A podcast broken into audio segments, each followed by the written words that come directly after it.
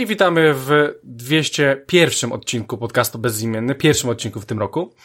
E, I słuchajcie, e, zacznę dosyć nietypowo. E, w zeszłym, w zeszłym odcinku, w zeszłym roku, w 200 odcinku, mówiliśmy sobie o paru grach, ale nie, nie wszystkie te gry zostały dobrze u nas omówione, więc w tym odcinku, w temacie głównym będzie gra Valheim. Bardzo mocny tytuł na PC. Wiemy, że konsolowcy troszeczkę mogą zazdrościć tego tytułu. I jak pamiętacie, doskonale pamiętacie, właśnie w dwusetnym odcinku o tej grze mówi Wojtek. Więc ja myślę, że najlepszą osobą do omawiania tego tytułu będzie Wojtek, więc witamy w odcinku Wojtka Kocjana. E, tak, będę najlepszy. Jestem najlepszy w wielu rzeczach, ale jeżeli chodzi o, o gadanie, to tak, tak, oczywiście, potwierdzam. E, tak, więc e, Wojtku, witamy Cię. E, Witam I słuchajcie, e, poza tym, jak pamiętacie, w zeszłym odcinku nie było też Mikołaja.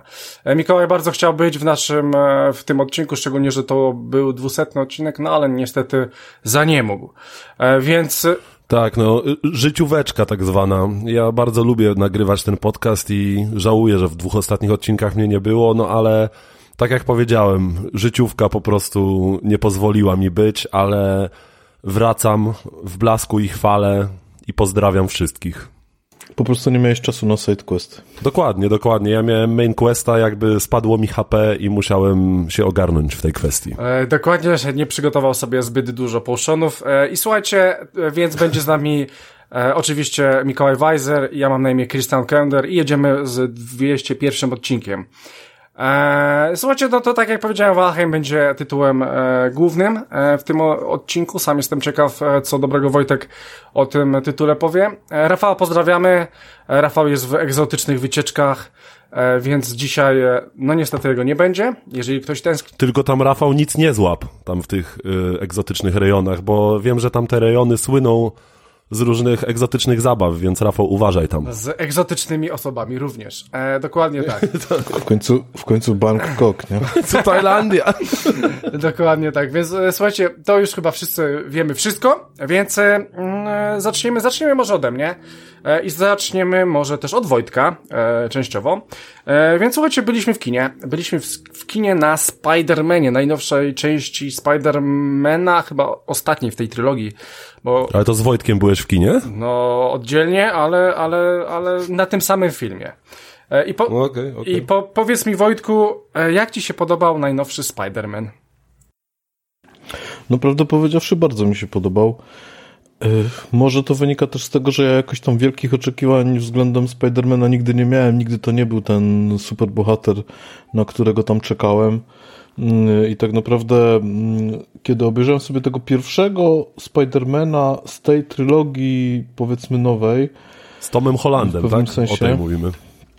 Tak, no to w tym momencie, jak zobaczyłem pierwszą, no było takie spoko, nie? Tam, no, może być. Tam wszystkie te filmy o superbohaterach chętnie oglądam, nawet jeżeli nie wszystkie tam jakoś specjalnie mi się podobają, a Marvel ma to do siebie, że, że wszystkie te filmy robi naprawdę nie najgorzej, z nielicznymi wyjątkami typu Kapitan Marvel, no to, no to one są naprawdę dobre. E, drugą część obejrzałem bardzo, już, już, bardzo mi się podobała druga część. Naprawdę wyszliśmy z kina, ja byłem taki, no, naprawdę dobra rozrywka i czekałem na tą trzecią część. Potem były takie różne zawirowania, nie wiadomo było, czy ona się w ogóle powstanie, czy, czy, czy tam ktoś się za to weźmie. Były jakieś tam niesnaski. No, no. Między, między Sony i Marvelem, zdaje się, i, i tam chyba nie, nie umieli dojść do porozumienia. W końcu na szczęście doszli do porozumienia, trzecia część powstała. E, i przyznam szczerze, że wyszedłem, może nie podobała mi się tak bardzo jak druga część, ale też była bardzo, dla mnie bardzo fajna. Bardzo mi się podobały te, no, żeby tak nie, żeby to też tak nie spoilerować za bardzo, no to, no to przyznam, że ten miks taki, który tam zrobili, yy, chociaż chyba już nie da się żyć bez Znaczy, spoilerów, nie? Tam tydzień po premierze czy dwa, to już wszyscy wiedzą wszystko pewnie o tym. Nawet jak ktoś nie chce, to już Ja nie tam wiem, wie. bo ja jakby nie Tak. siedzę mocno w Marvelu, ale o drugiej części to mówisz, y, to była część, która się nazywała Daleko od domu, prawda? Tak, tak, tak, Tam, dokładnie. gdzie on był na wakacjach, bo ja widziałem te dwa Spider-Many, Tak. ale mm, ja jestem jakby mało Marvelowy i mało superbohaterski dosyć, więc dla mnie jakby, o ile w miarę dobrze mi się te Marvelowskie filmy ogląda, to jakby powiedzmy następnego dnia ja już nie bardzo wiem, o czym ten film był tak naprawdę, ale... Nie, to ja mam to samo. Ale tak, jakby tak. chętnie posłucham, co, co masz do powiedzenia o, o tego typu Yy, to, właśnie rzeczach. To ja, jest, to ja właśnie powiem tak, ja widziałem wszystkie filmy z, Marvel, z Marvela, te, te z tego MCU, Mhm. Ale też ja nie jestem wielkim fanem Marvela jako takiego, to znaczy dla mnie bardziej DC niż Marvel. O, to tu ci mogę przybić piątkę, bo mnie też bardziej interesuje DC akurat. No właśnie, więc ja na tego Marvela patrzę sobie tak z ciekawością i też bez wielkich oczekiwań, więc może ja nie jestem, bo, bo gdybym tam, nie wiem, obejrzał Batmana i to ja od razu wyłapię to wszystko, co mnie strasznie wkurza, a Marvela oglądam bez takich emocji, tak? Po prostu jest fajny albo niefajny. Jak jest fajny, spoko, jak nie fajny, no to pff, nic z tego, nie? Tam zapominam. A Spider-Man jest po prostu fajny, to jest bardzo fajne, tak wracając do tego pytania, bardzo fajnie opowiedziana y, jakaś tam historia. Jasne, że tam są jakieś takie głupotki, tak? Które, które no, no są głupotki. są Powiedzmy, tam jak to u głupotki, Marvela po prostu, tak? No. jak to u Marvela, jak to generalnie z takimi filmami, które opowiadają niestworzone historie, nie? Bo to są takie niestworzone historie trochę. Ale tak, bardzo, bardzo fajne. No i tak y, myślę, że chyba nie jestem odosobniony w tej opinii, bo, bo film został bardzo dobrze przyjęty. A ty tam jak tam, Krystian? To by się E, No, podobał? e, szczerze powiedziawszy, to jest najlepszy film w tej trylogii jeden z najlepszych Spider-Manów, które oglądałem, a oglądałem wszystkie. E, Andy, Spider-Many z Andy Garfieldem były dla mnie chyba na, najsłabszymi w ogóle Spider-Manami, które były. E, no słuchajcie, no ten miks, o którym mówił Wojtek, dużo daje, na, naprawdę dużo daje i też tak za bardzo nie wiadomo, czy tu wam spoilerować, czy nie. E, No ale załóżmy, że, że bo tak, tak nie do końca, bo Nie no, nie, nie da się uniknąć spoilerów. No słuchajcie, no przyznajmy to. Pojawiają się tam po prostu y, z poprzednie y, wersje Spidermana jako, jako postacie z, z, z tego multiversum. No i tyle. No tego się... Sorry, jeżeli ktoś tego słucha i teraz... Czemu on to powiedział? No to znaczy, że przez ostatnie dwa tygodnie był w Bieszczadach. no. Bardzo możliwe. nie- po to, to, też, to też jest fajnie pokazane, bo mamy tutaj wszystkich Spider-Manów, którzy byli przez ostatnie 20 czy 25 lat. E, No i, i dla mnie jednak, e, nie wiem Wojtek jak dla ciebie, ale Tom Holland nie jest najlepszym Spider-Manem i dla mnie Maguire był najlepszy. E, Maguire w tym filmie jest trochę już taki, no starszy, no wi- wiadomo, no już swoje lata ma, tam nagrywa chyba Tak, tak. I są naprawdę dobre sceny z nim, jak on tak. tam się rozciąga, Ale, nie? ale, Już tak, ale rozciąga nie? się, ale nie wiem, czy zauważyłeś, ale w niektórych ujęciach ma nawet taki malutki brzuszek, już może się tam zrobił, nie? Tak, E, tak, tak. I no. słuchajcie, i są też przeciwnicy z, ze starszych części, no bo tam... Właśnie, tam chyba się pojawia Doktor Octopus z, No, jest doktor- ze Spider-Manów z, właśnie z Tobim Maguire'em, nie? Dobrze, do, mi się dobrze wydaje, bo ja po trailerach tak widziałem, że to jest ten sam aktor tak, chyba. dokładnie tak, bo cała zabawa polega na tym, Doktor Strange coś odpierdolił i e, po, e, że tak powiem... No nie do końca to, to, to jest tak trochę jego wina. no tak nie do końca, Bo no to w dobrze, sumie- no tak, no ale summa summarum po prostu e, te światy różne, tych uniwersa różne się Tak. łączą i, i po prostu mamy takich przeciwników, jakich mamy. I, I też jest pokazane, że antagoniści najlepsi byli w jedynce, Spider-Man najlepszy był w jedynce i, i, i dla mnie to jest, to jest właśnie to. Zielony Goblin się pojawia i właśnie Oktopusy i, i oni robią grubą robotę. E, Octopusy? Oktopusy, tak. Oktopusy się pojawi. Oktopusy. Więc e, słuchajcie, słuchajcie e, świetnie jest ten film, zajebista jest relacja ich wszystkich. E, no i bardzo fajnie się to ogląda, kurczę, no, no to, że pozna, wracamy takie, na trochę takie stare śmieci, e, no i, i są właśnie te, te, te stare postacie, to, to, to jest świetne. Nie widziałem jeszcze nigdy e, w historiach czegoś, tych właśnie, nie wiem, superbohaterów, takiego zabiegu. I to mi się bardzo podobało. Nawet nie wiem, Wojtek, nawet można powiedzieć na początku pojawia się nawet Daredevil z, z serialu Netflix, który A Tak, tak. A to jest ciekawostka, że przynajmniej jak myśmy byli w kinie, to jak się pojawił Daredevil, to tam się, to tam się takie poruszenie zrobiło na sali kinowej, to, bo to było naprawdę urocze. I szkoda, że go było tak mało, mało tak. w tym filmie, bo naprawdę... Bo swoją naprawdę drogą ja ten serial w ogóle Netflixa tak. Daredevila ja bardzo lubię. Su o ile nie przepadam super. za Marvelem, mi się ten serial tak, bardzo tak. dobrze oglądało. Ja mam w ogóle taki sentyment do Daredevila, bo ja pamiętam E, pamiętam po prostu komiksy gdzieś tam kupowane jeszcze w latach 90. E, Na stadionie, tak się pojawiały. Tak, tak, i tam po prostu były, były te miksy, tam pani Shera z Daredevilem, jakieś takie miałem różne... E, tak, no, różne, no, i jakby... I takie fajne wspomnienia, z Elektrą w ogóle tam było pa, Pani Sher swoją drogą skradł tak, serial, tak, wydaje no. mi się, tego właśnie Daredevila Netflixa, jak on się w drugim sezonie tak, pojawił, to... Trochę tak, tak, tak. I dlatego, jak, jak, dlatego też mi się dobrze oglądało serial, nawet jeżeli on rzeczywiście potem w tych kolejnych sezonach też był taki, no... Ale oglądało się to super. No i, i ta postać wykreowana przez tego aktora, którego nie, nazwy nie pomnę, bo ja nigdy nie pamiętam żadnych imion i nazwisk aktorów zwłaszcza, to, to, to, to, to po prostu jest bardzo sympatyczna, on jako sama w sobie, nie? Jak widzisz tego, tego takiego ślepego adwokata, to od razu ci się morda trochę śmieje.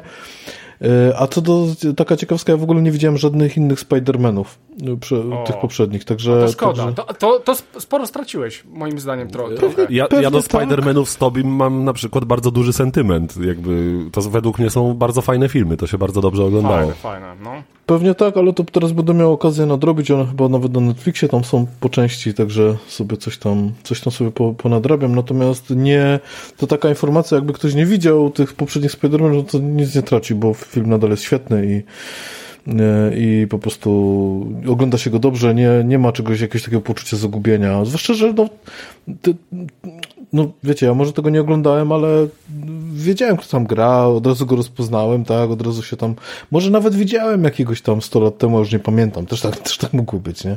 Mhm. E, ja tylko chcę powiedzieć, że jeszcze byłem w kinie, jak byłem w kinie na tym, to byłem na tym 4DX w Cinema City. No i mnie wytrząsło jak, jak pojebane.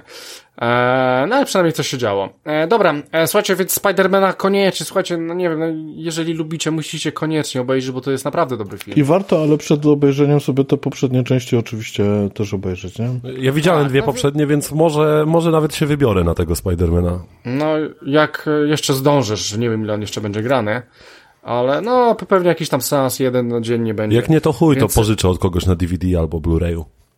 Tak, e, ale, ale naprawdę warto, naprawdę warto. I słuchajcie, e, jeszcze, jeszcze szybko powiem o kolejnym filmie, czyli byłem też na Matrixie Zmartwychwstania. E, no i co? No, słuchajcie, no co mogę powiedzieć o tym filmie? No na pewno jest gorszy niż Spider-Man. Powiem wam, że e, początek jest dosyć ciekawy, bo poznajemy Neo w zupełnie innej sytuacji niż byśmy sobie to wyobrażali. No i później oczywiście coś się dzieje, że, że Neo musi coś zrobić, uratować świat i tak dalej i w ogóle jest e, bardzo, bardzo dużo nawiązań do poprzednich części, więc jeżeli Spidermana może nie do końca, ale jeżeli ktoś nie oglądał trylogii Matrixa, to musi to zrobić zanim e, pójdzie na tą czwórkę. Jest w ogóle ktoś, kto nie oglądał trylogii Matrixa? nie wiem. E, ale na przykład ja, ja długo, długo nie, nie oglądałem Matrixa. Wiem, że tak parę lat po premierze dopiero obejrzałem, więc e, po prostu mówię jak to jest. E, I słuchajcie, bardzo fajnym zabiegiem jest to, że praktycznie wszyscy wracają. Zmieniają się nam tylko dwie osoby. Morfeusz jest niestety inny. Nie jest zły, ale nie jest tak dobry jak, jakby, jak e, Lawrence Fishburne bodajże on Lawrence Fishburne, tak, tak, tak. E, to on po prostu był idealny na to miejsce. Ja tam słyszałem taka ciekawostka, że podobno jego córka, nie wiem czy wiecie co robi jego córka, ale jego córka bierze udział w różnych fikołkach. Przez to e, Lawrence ma jakiś problem z Hollywood i powiedział, że już chyba w ogóle nie będzie grał. E, więc to jest taka ciekawostka. E, drugą postacią, która nam się zmienia, to jest oczywiście agent Smith. E, tutaj ten agent Smith to jest Jonathan Groff. On grał w Mindhunterze, w serialu Mindhunter, więc on mi ogólnie odpowiada i jest w porządku. Podobno Smith nie mógł zagrać, ten aktor, który, który grał Smitha wcześniej nie mógł zagrać, ponieważ wyobraźcie sobie, że, że miał sztukę w Londynie i musiał ją po prostu cały czas pokazywać przez jakiś czas, jak to w teatrach.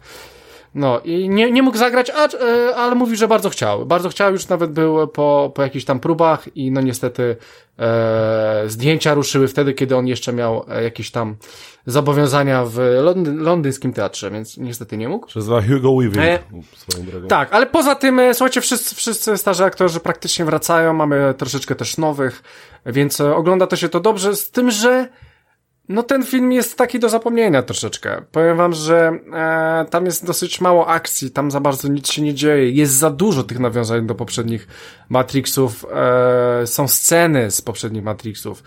E, jest tego za dużo, troszeczkę tutaj taka gruba nostalgia w tym działa. Oczywiście mamy nawiązań e, bardzo dużo, mamy różnych metafor, mamy, mamy po prostu różnych dziwnych rzeczy, co, co Lana Wachowski sobie wymyślił, wymyśliła. Wymyśliła. E, tak, e, ale, ale no po prostu myślę, że gdzieś ten film gdzieś tam w połowie się za, zatraca i nie wie czym chce być. E, końcówka oczywiście rozpierdol, e, no, i, no i ogólnie Ale właśnie, bo y, że co mnie interesuje, jeśli chodzi o Matrixa, bo pierwsza trylogia, mm, ja z nią miałem o tyle problem, o- o ile kocham te filmy. Oczywiście jakby dla mnie trylogia Matrixa to jest absolutny klasyk i lubię do niej wracać, to jest naprawdę kawał fajnego kina, pomimo powiedzmy y, trochę niższego poziomu dwóch kolejnych części niż części pierwszej.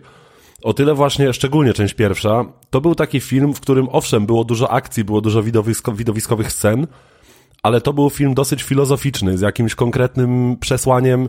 Powiedzmy, z tego filmu można było wyciągnąć jakieś takie konkretne, filozoficzne rozkminy, jakąś powiedzmy lekcję.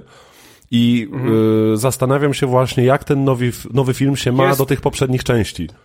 Pod jest, tym względem. Jest dużo, jest dużo rzeczy do zastanowienia się, jest dużo właśnie takich lekcji, które można wyciągnąć. Jest to tak samo opowiedziane w ten sam sposób i wszystko jest tak, jak było wcześniej. Z tym, że jest tego za dużo i jest praktycznie tylko to.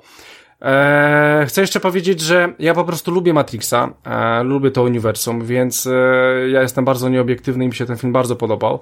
Eee, lubię po prostu być w tym świecie. Każdą minutę w tym świecie, każda minuta w tym świecie jest zajebista. kumam.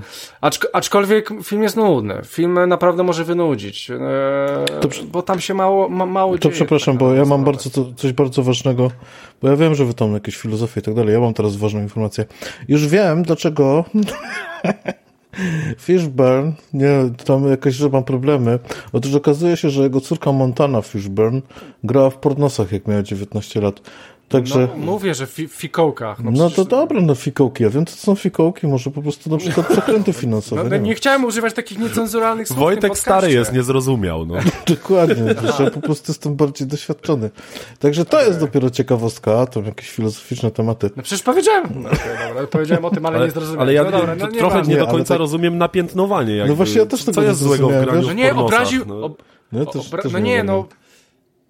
No nie, dobra, mniejsza z tym. I Mniejsza z tym, ja, ale tak, ja, nawet słyszałem, że, że nawet nie jest zbyt dobra w tych pornosach jakichś tam. nie wiem, powiem A widziałeś? powiem Można wam- to gdzieś zobaczyć? Kurwa, Nie, nie, nie. Myślę, że można. Oczy... Spoko, Oczywiście, że zrecenzujemy, można, ale... zrecenzujemy następnym razem, ja wam opowiem. Ale ten, co chciałem powiedzieć. No może, to będzie Eee, dobre. No, także, ale jeżeli chodzi o samego Matrixa, to ja czytałem taką recenzję i się zastanawiam, czy się z tym zgodzisz. Ale No. chyba z tego, co powiedziałeś, to, to, to może niekoniecznie. Że troszkę ta cała Wachowski, która się za to wzięła, to po pierwsze zrobiła to troszeczkę mm, tak trochę to wygląda, jakby się po prostu do tego nie za dobrze przygotowała. To znaczy, tak jakby z, postawiła na akcję, powyłapywała raczej takie wątki, które bardziej były stworzone przez fanów e, uniwersum Matrixa i puszcza do nich oko na takiej zasadzie, że bo tak, po pierwszym, pierwszy Matrix to w ogóle był fenomen na swój sposób. On rzeczywiście był bardzo głęboko filozoficzny. Tak, to był bardzo taki- głęboki film, to, był, to była fantastyczna Tak. historia w ogóle. Tak, tak. I on był bardzo spójny. Yy, Natomiast kolejne części, one były coraz bardziej naciągane, coraz bardziej przychodziły w stronę akcji i tam już były takie te, te różne nawiązania, takie powiedzmy kulturowe, religijne, mitologiczne. Yy, One były tak już trochę dopychane na siłę, zamiast pociągnąć te wątki z pierwszego filmu i trochę je fajnie rozbudować, to po prostu jakby do, do, dokładała tam różnych rzeczy i też olewała podobno no ja tego tak może nie wyłapałem, może w niektórych momentach tak, ale nie, nie, nie aż tak bardzo, że część tego, ty, tych fanów mówi, że ona w tych kolejnych częściach niby troszeczkę ich olała, to znaczy fani wykreowali bardzo fajne, mm, jakby spójną interpretację tego, no ale to fani wykreowali, nie? No to ona nie musi się tego trzymać i ona po prostu... to nadal jest fanfic, nie? Jakby... Tak, tak. Ona, te Matrixy kolejne się pojawiły chyba 4 lata po, po pierwszej części, 2003 zdaje się, nie? Tak, ten był 99, a obydwie części, druga i trzecia pojawiły się 4 lata później. One się chyba w takim bardzo krótkim odstępie w ogóle tak, pojawiły, te tak, następne dwie. Tak, Bo tak. one były kręcone e, w tym samym czasie. tak, tak, bo po prostu to już miało być takie, że dopinamy tą, tą, tą, tą i to było spoko. Natomiast y, fani nie do końca byli z tego zadowoleni. Nie wiem, mnie się nam podobało, nie mam z tym problemu. Natomiast czytałem, że teraz znowu ta chyba Lena, tak? To, to, to kręciła. Y, Lana Wachowski. Lana, Lana tak. Wachowski. Y, no to po pierwsze, ona się jakby na to, oni w ogóle chcieli to nakręcić nawet i bez niej, jak ona by się nie zgodziła, więc ona się już zgodziła, bo kasę przytuli za to na pewno bardzo fajną. Ale na, nagle zaczyna się takie trochę dorabianie do tego ideologii, które, której tam nie było nigdy w tym Matrixie podobno i mam z tym problem, mm. pytam o to, dlatego że ja tego nie widziałem i chętnie bym się tego doszukał. Podobno... Jest.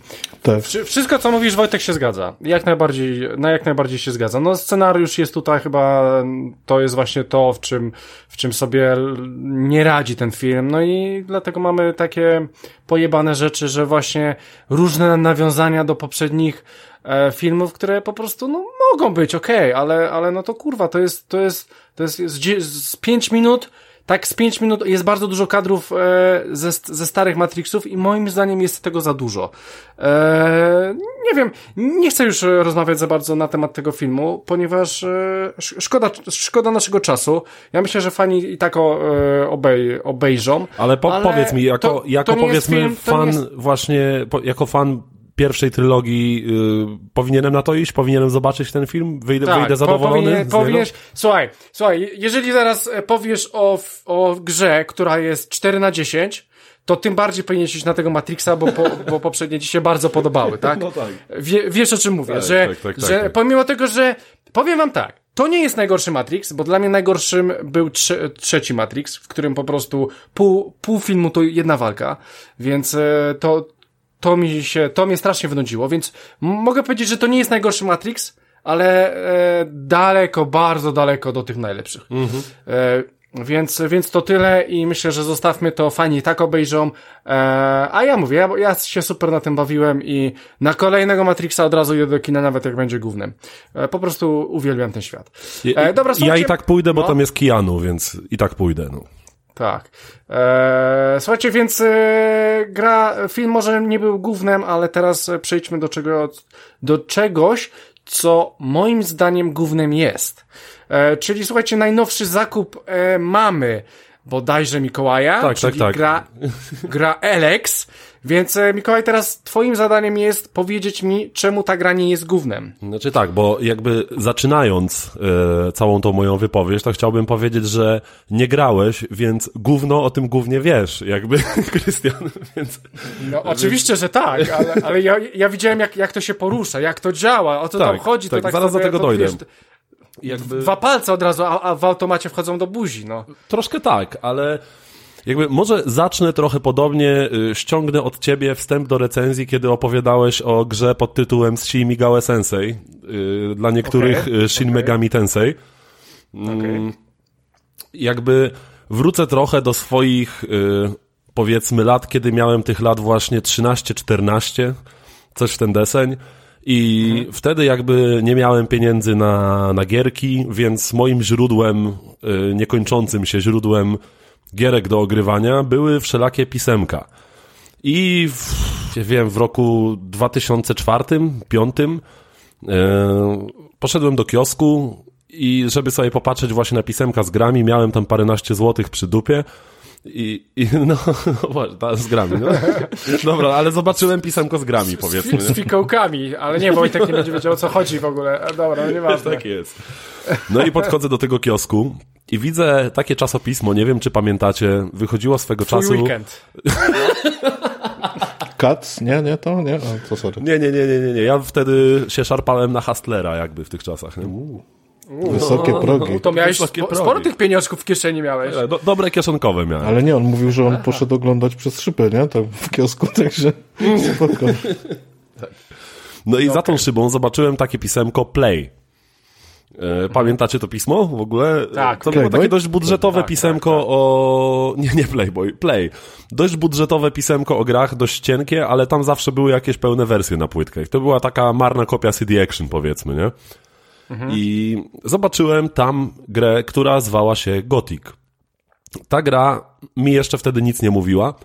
Ja to pisemko kupiłem, wróciłem do domu, pamiętam to były ferie, więc y, wróciłem do domu, wrzuciłem płytkę do napędu, zainstalowałem, odpaliłem i zagrałem. I słuchajcie, ja w ten świat absolutnie, totalnie i bez reszty wsiąkłem. Po prostu zostałem wciągnięty przez tę grę absolutnie całkowicie. Pokochałem ten świat, pokochałem ten taki brudny, nieprzyjazny klimat tej gry.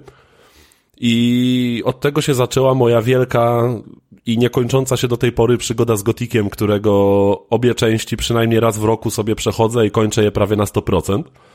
Jakby kocham te gry mimo ich y, drewnianości, mimo ich wszystkich upośledzeń, bo są po prostu pod pewnymi względami jednymi z najbardziej inteligentnie zaprojektowanych i najwspanialszych gier, w jakie grałem.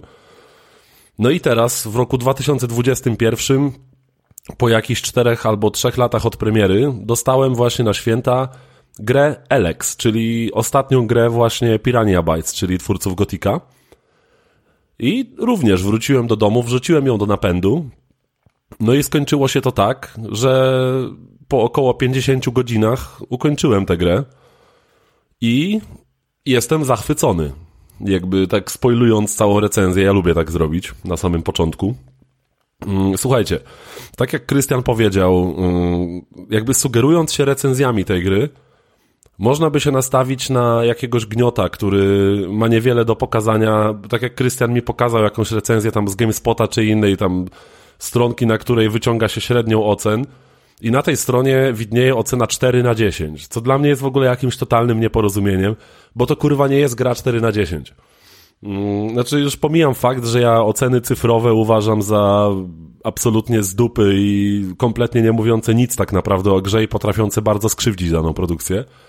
I tak właśnie jest w wypadku Alexa. Y, Alex został strasznie skrzywdzony przez średnią swoich ocen w internecie, przez takie stronki właśnie, które wydały jej ocenę 4 na 10, w których tak naprawdę jedyne co było powiedziane w tych recenzjach to to, że gra jest drewniana, y, że ma w chuj bugów, że jest drewniany system walki, który potrafi być naprawdę niesprawiedliwy i wkurwiający, co jest akurat prawdą. Jakby wszystko z tego było, co powiedziałem, było prawdą. Natomiast w tych recenzjach praktycznie nie było powiedziane o tym, co w tej grze jest absolutnie wybitne. Bo powiedzmy, pograłem pierwsze 5, 7, 8, 10 godzin. I ponownie zostałem totalnie wessany przez spiralę questów, która mm, zaczyna się praktycznie od samego początku. I właśnie to jest to, co ta gra robi rewelacyjnie. Czyli właśnie questowanie, a to jest według mnie w RPG-u najważniejsze. Bo powiedzmy, mogę mieć zajebisty system walki, mogę mieć super animację i piękną grafikę, ale jeśli, yy, jeśli ja nie mam jakby punktu zaczepienia, żeby się, żeby się w, tych, yy, w tej grze właśnie zahaczyć na dłużej, czyli questów, fabuły i interesującego świata, w który mogę wsiąknąć, to dla mnie te animacje, super grafika i tak dalej, to wszystko będzie gówno warte. A w tej grze dostałem właśnie to, dostałem te questy, y, które w przeciwieństwie do wielu innych RPGów nie, nie są powiedzmy pojedynczą linią, którą można rozgałęzić w jedną albo w drugą stronę. Tutaj to tak nie działa. Tutaj questy tworzą zajebiście wielką pajęczynę oplatającą praktycznie cały świat tej gry gdzie powiedzmy dostajemy questa od kogoś, nawet jeśli to jest głupi quest y, w stylu zbierz 10 szczurzych ogonów, których y, to jest swoją drogą, tego typu questów w tej grze nie ma za wiele. Ale nawet jeśli to jest taki quest, to on nas prowadzi w jakieś miejsce, mamy jakiegoś zleceniodawcę i mamy powiedzmy odbiorcę jakby tego questa. Dochodzimy do drugiej osoby powiązanej z tym questem i okazuje się, że nagle ta osoba chce zupełnie czegoś innego od nas niż nasz pierwotny zleceniodawca i możemy tego questa poprowadzić w kompletnie inną stronę, a poza tym jeszcze ta druga osoba powiązana z tym questem daje nam dwa inne questy, które mogą być powiązane równie dobrze z tym poprzednim. Więc to jest naprawdę bardzo fajny, inteligentny design, którego mi brakowało. Mi brakowało takiego RPGowania, w które bym wsiąknął. Właśnie ten świat, do którego teraz właśnie chcę przejść, który na początku może się wydawać strasznie chaotyczny, bo to jest taki dziwny, patchworkowy mix fantasy, science fiction. To się wydaje poklejone trochę na prędce, trochę niespójne, ale kiedy się w to dłużej pogra, nagle się może okazać, że w tym szaleństwie kurwa jest metoda jakaś, że ten świat rządzi się jakimiś swoimi konkretnymi prawami. Mamy tam trzy główne frakcje, które yy, używają na różny sposób tego właśnie tytułowego Eleksu. Eleks jest minerałem, który został do tego świata sprowadzony przez kometę, która uderzyła w, w tę planetę i zniszczyła poprzednią cywilizację, która wygląda zupełnie jak nasza aktualna cywilizacja swoją drogą. Te pozostałości właśnie, po których się poruszamy, to są nasze współczesne domy. Można zobaczyć wrak ewidentnie na przykład Forda Focusa przy niektórych domach. To są takie właśnie fajne smaczki, więc mamy połączenie fantasy, science fiction i post-apo. Więc tak jak powiedziałem, na początku to się wydaje zupełnie abstrakcyjne i trochę durne, ale im dłużej w tym świecie się jest, tym bardziej się wydaje, że oni to jednak naprawdę nieźle przemyśleli i zbudowali naprawdę ciekawe zależności pomiędzy frakcjami.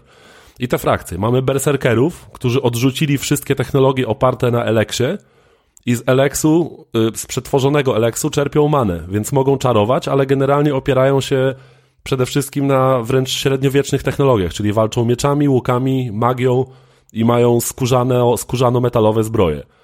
Dalej mamy kleryków, którzy właśnie yy, Eleksem napędzają swoje bronie energetyczne, budują mechy i tak dalej, używają go jako źródła energii. I mamy yy, tak zwanych banitów, bodajże oni w polskiej wersji, jak grałem po angielsku, oni tam się nazywali Outlaws.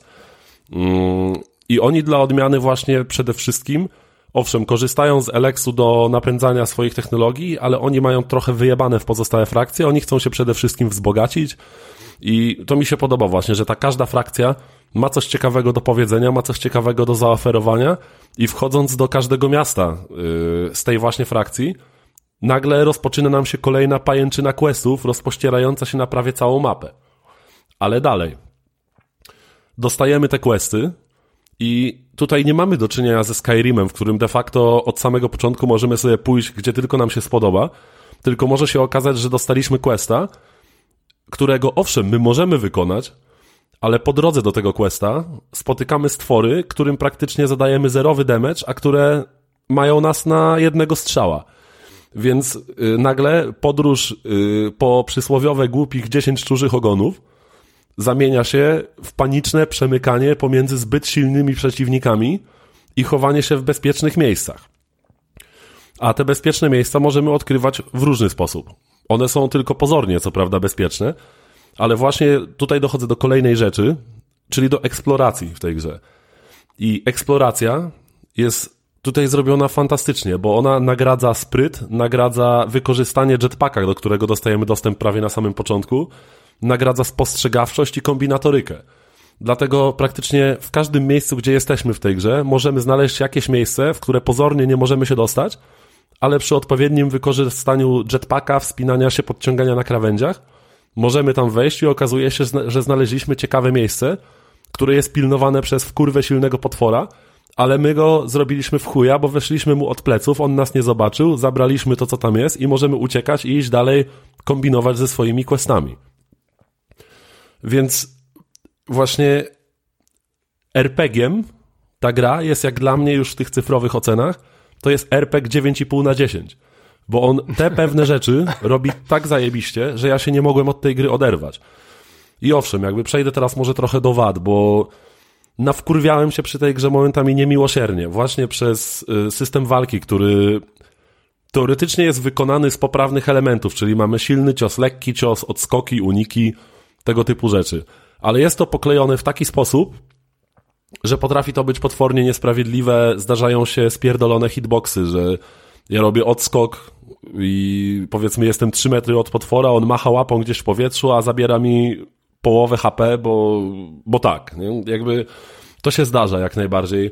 Animacje są drewniane, ale z drugiej strony nie można odmówić wielu miejscówkom totalnego uroku, gdzie one nie są wykonane, wymodelowane jakoś super, ale oświetlenie i samo połączenie tych elementów, tego zniszczonego naszego współczesnego świata, yy, właśnie z tymi zmutowanymi istotami, jakby żywiącymi się Eleksem, z, z całym tym nastrojem tego świata, to potrafi zbudować naprawdę fantastyczny klimat. Do tego mamy bardzo ładną ścieżkę dźwiękową, bardzo klimatyczną muzykę. I w tym świecie po prostu chce się być. Jakby ta walka w pewnym momencie to jest jakby kolejny problem tej gry. Walka ta drewniana, o której wspomniałem. Ona ma pewne problemy pod tym względem, że przez pierwsze 20-25 godzin gra jest koszmarnie trudna. Ona nie wybacza błędów i leje cię kutasem po pysku na każdym kroku, bo po prostu właśnie mamy strasznie silnych przeciwników, pomiędzy którymi musimy przemykać jak szczur, żeby nie dać się zabić. Ale w pewnym momencie, na przykład w moim wypadku, to był moment, kiedy dostałem dostęp do magii berserkerów, bo y, właśnie tą frakcją przechodziłem grę. Nagle okazało się, że stałem się kozakiem i w pewnym momencie gra stała się trochę dla mnie za łatwa. Jakby owszem, ona momentami potrafiła stanowić wyzwanie, kiedy miałem grupę naprawdę silnych przeciwników, i była spierdolona de detekcja wykrywania trafień, kiedy rzucałem w nich powiedzmy jakimiś fireballami czy czymś takim. To potrafiło sprawić, yy, sprawić problem. Czasem trzeba było trochę pokombinować, ale ogólnie gra od pewnego momentu staje się zbyt łatwa. Więc musiałem podnieść poziom trudności. Natomiast jakby ogólnie bawiłem się zajebiście. Spędziłem w tym świecie ponad 50 godzin i poczułem tę magię, właśnie magię pierwszych gotików, czyli właśnie interesujące frakcje, dobrze skonstruowane questy, sporo fajnych, ciekawych postaci, z których każda ma jakieś swoje motywacje. Każda nie jest tylko stojącym w miejscu NPC-em, który tylko czeka, żeby przynieść mu te 10 czужych ogonów, ale te zadania są dobrze umotywowane, one są dobrze osadzone w świecie gry i to jest to, co Alex robi po prostu zajebiście. E, do, dobra, Mikołaj, e, czy ty przeszedłeś tą grę? Tak, tak, tak, tak, tak. Ja ją, ja ją przedwczoraj, bo nie, e, dzień przed Sylwestrem ją skończyłem. Czyli e, chcesz mi powiedzieć, że pół gry jest za trudna, a pół gry jest za łatwa. Tak, tak. To jest, to jest jeden z jej problemów, jakby. Mm, można się od tego odbić, jak najbardziej. Ale jeśli się nie odbijesz i dasz jej szansę, to naprawdę poznasz multum ciekawych historii, które oferują te questy, bo Właśnie one są po prostu dobrze napisane. Są tak fajnie obudowane fabułą, tym światem, że naprawdę z przyjemnością się je robi. I nawet kiedy to jest jakiś totalnie prosty FedExowy quest, to jest on dla ciebie zwyczajnie ciekawy, bo chcesz go zrobić, bo chcesz zobaczyć reakcję zleceniodawcy na to, jak przyniesiesz mu powiedzmy to, co masz mu przynieść, albo kiedy zrobisz go w chuja i wykonasz to zadanie dla kompletnie kogoś innego.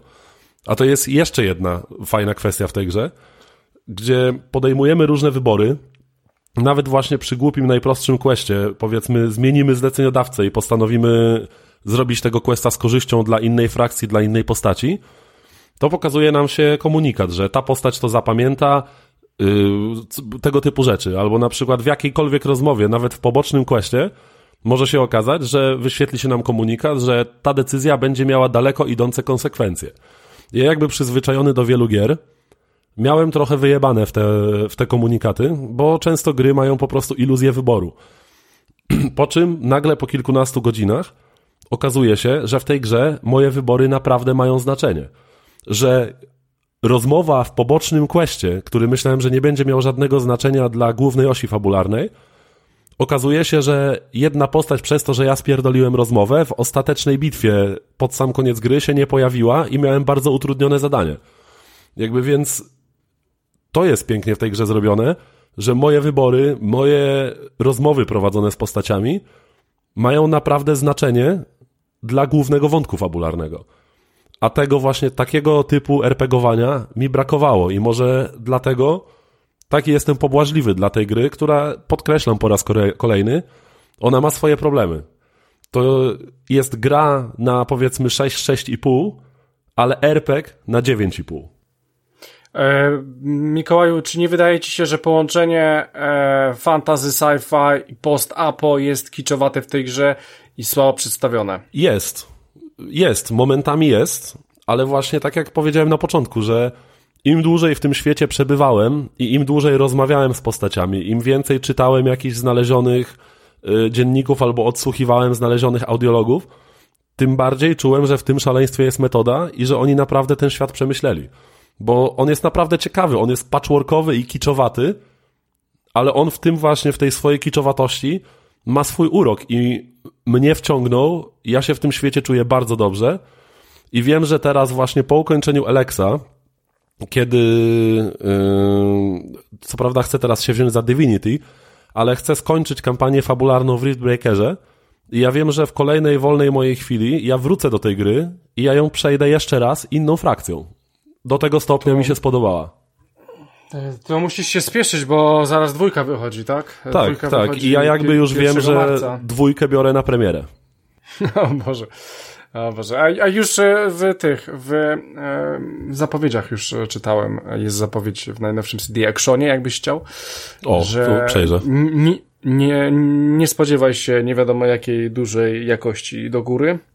No, tak po, po prostu... wiesz stary, warto, warto zaznaczyć, że tę grę robiło 30 osób. Tak? To nie jest AAA. No, no, no to stary, wiem, wiem, wiem, wiem. Pirania Bytes to jest studio, które ma 30 pracowników, a podjęli się zajebiście ambitnego projektu. Podjęli się stworzenia dużego, interesującego, otwartego świata i złożonego, stosunkowo nieliniowego RPGa.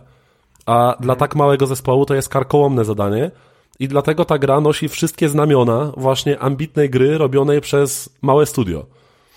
Ale przy tym wszystkim bawiłem się w niej zajebiście, to była dla mnie świetna przygoda. Wspomin będę ją jeszcze długo wspominał i na pewno do niej wrócę, bo chcę ukończyć tę grę przynajmniej jeszcze raz inną frakcją. Zobaczyć zadania innych frakcji, kiedy chcę, będę chciał do nich dołączyć. Właśnie o to jest to, czego mi brakowało w wielu współczesnych RPGach, w których grałem. Że brakowało mi poczucia przynależności do jakiejś frakcji. Bo powiedzmy w Skyrimie możesz po kolei zostać dowódcą gildii wojowników, gildii magów, gildii złodziei i tak dalej. I one w ogóle nie mają ze sobą żadnych interakcji. Natomiast tutaj, kiedy dołączysz do jakiejś frakcji, powiedzmy ja zostałem berserkerem i wtedy do końca gry, ja już przez resztę postaci w tej grze byłem widziany jako berserker. Byłem przez moich pobratymców z, z frakcji berserkerów widziany jako berserker, inaczej się do mnie odnosili i inaczej odnosili się do mnie klerycy. Prawie na każdym kroku spotykałem właśnie interakcje typu, że ktoś do mnie mówił, że a, ty jako berserker nie zrozumiesz coś tam tego typu rzeczy, nie? I to jest zajebiste, że masz poczucie przynależności jakiegoś swojego miejsca w tym świecie, jak już podejmiesz te decyzje. To jest zajebiste. Naprawdę dobrze się bawiłem w tej grze i polecam sprawdzić, nawet jeśli ktoś się boi tej drewnianości, boi się średnich mechanicznie gier, bo jeśli wybaczy się tej grze, powiedzmy, trze trzeba mieć jakieś tam różowe okulary, grając w tę grę, ale jeśli uda się przebrnąć właśnie przez te bugi, drewno i tak dalej, to okaże się, że to drewno jest naprawdę szlachetne i to jest bardzo fajna dębina, z której można wyrzeźbić naprawdę kawał zajebistej zabawy. Czyli coś jak cyberpunk. Niby gówno, ale fabuła ciekawa. Dokładnie, dokładnie. I jakby, ale właśnie chociażby od cyberpunka to było według mnie o tyle lepsze, że właśnie questy były dla mnie bardziej angażujące niż w cyberpunku. Bo były zajebiście skonstruowane. Tworzyły pajęczynę. Nie było tak, że quest się kończy, zaczynam następny zupełnie inny. Nie.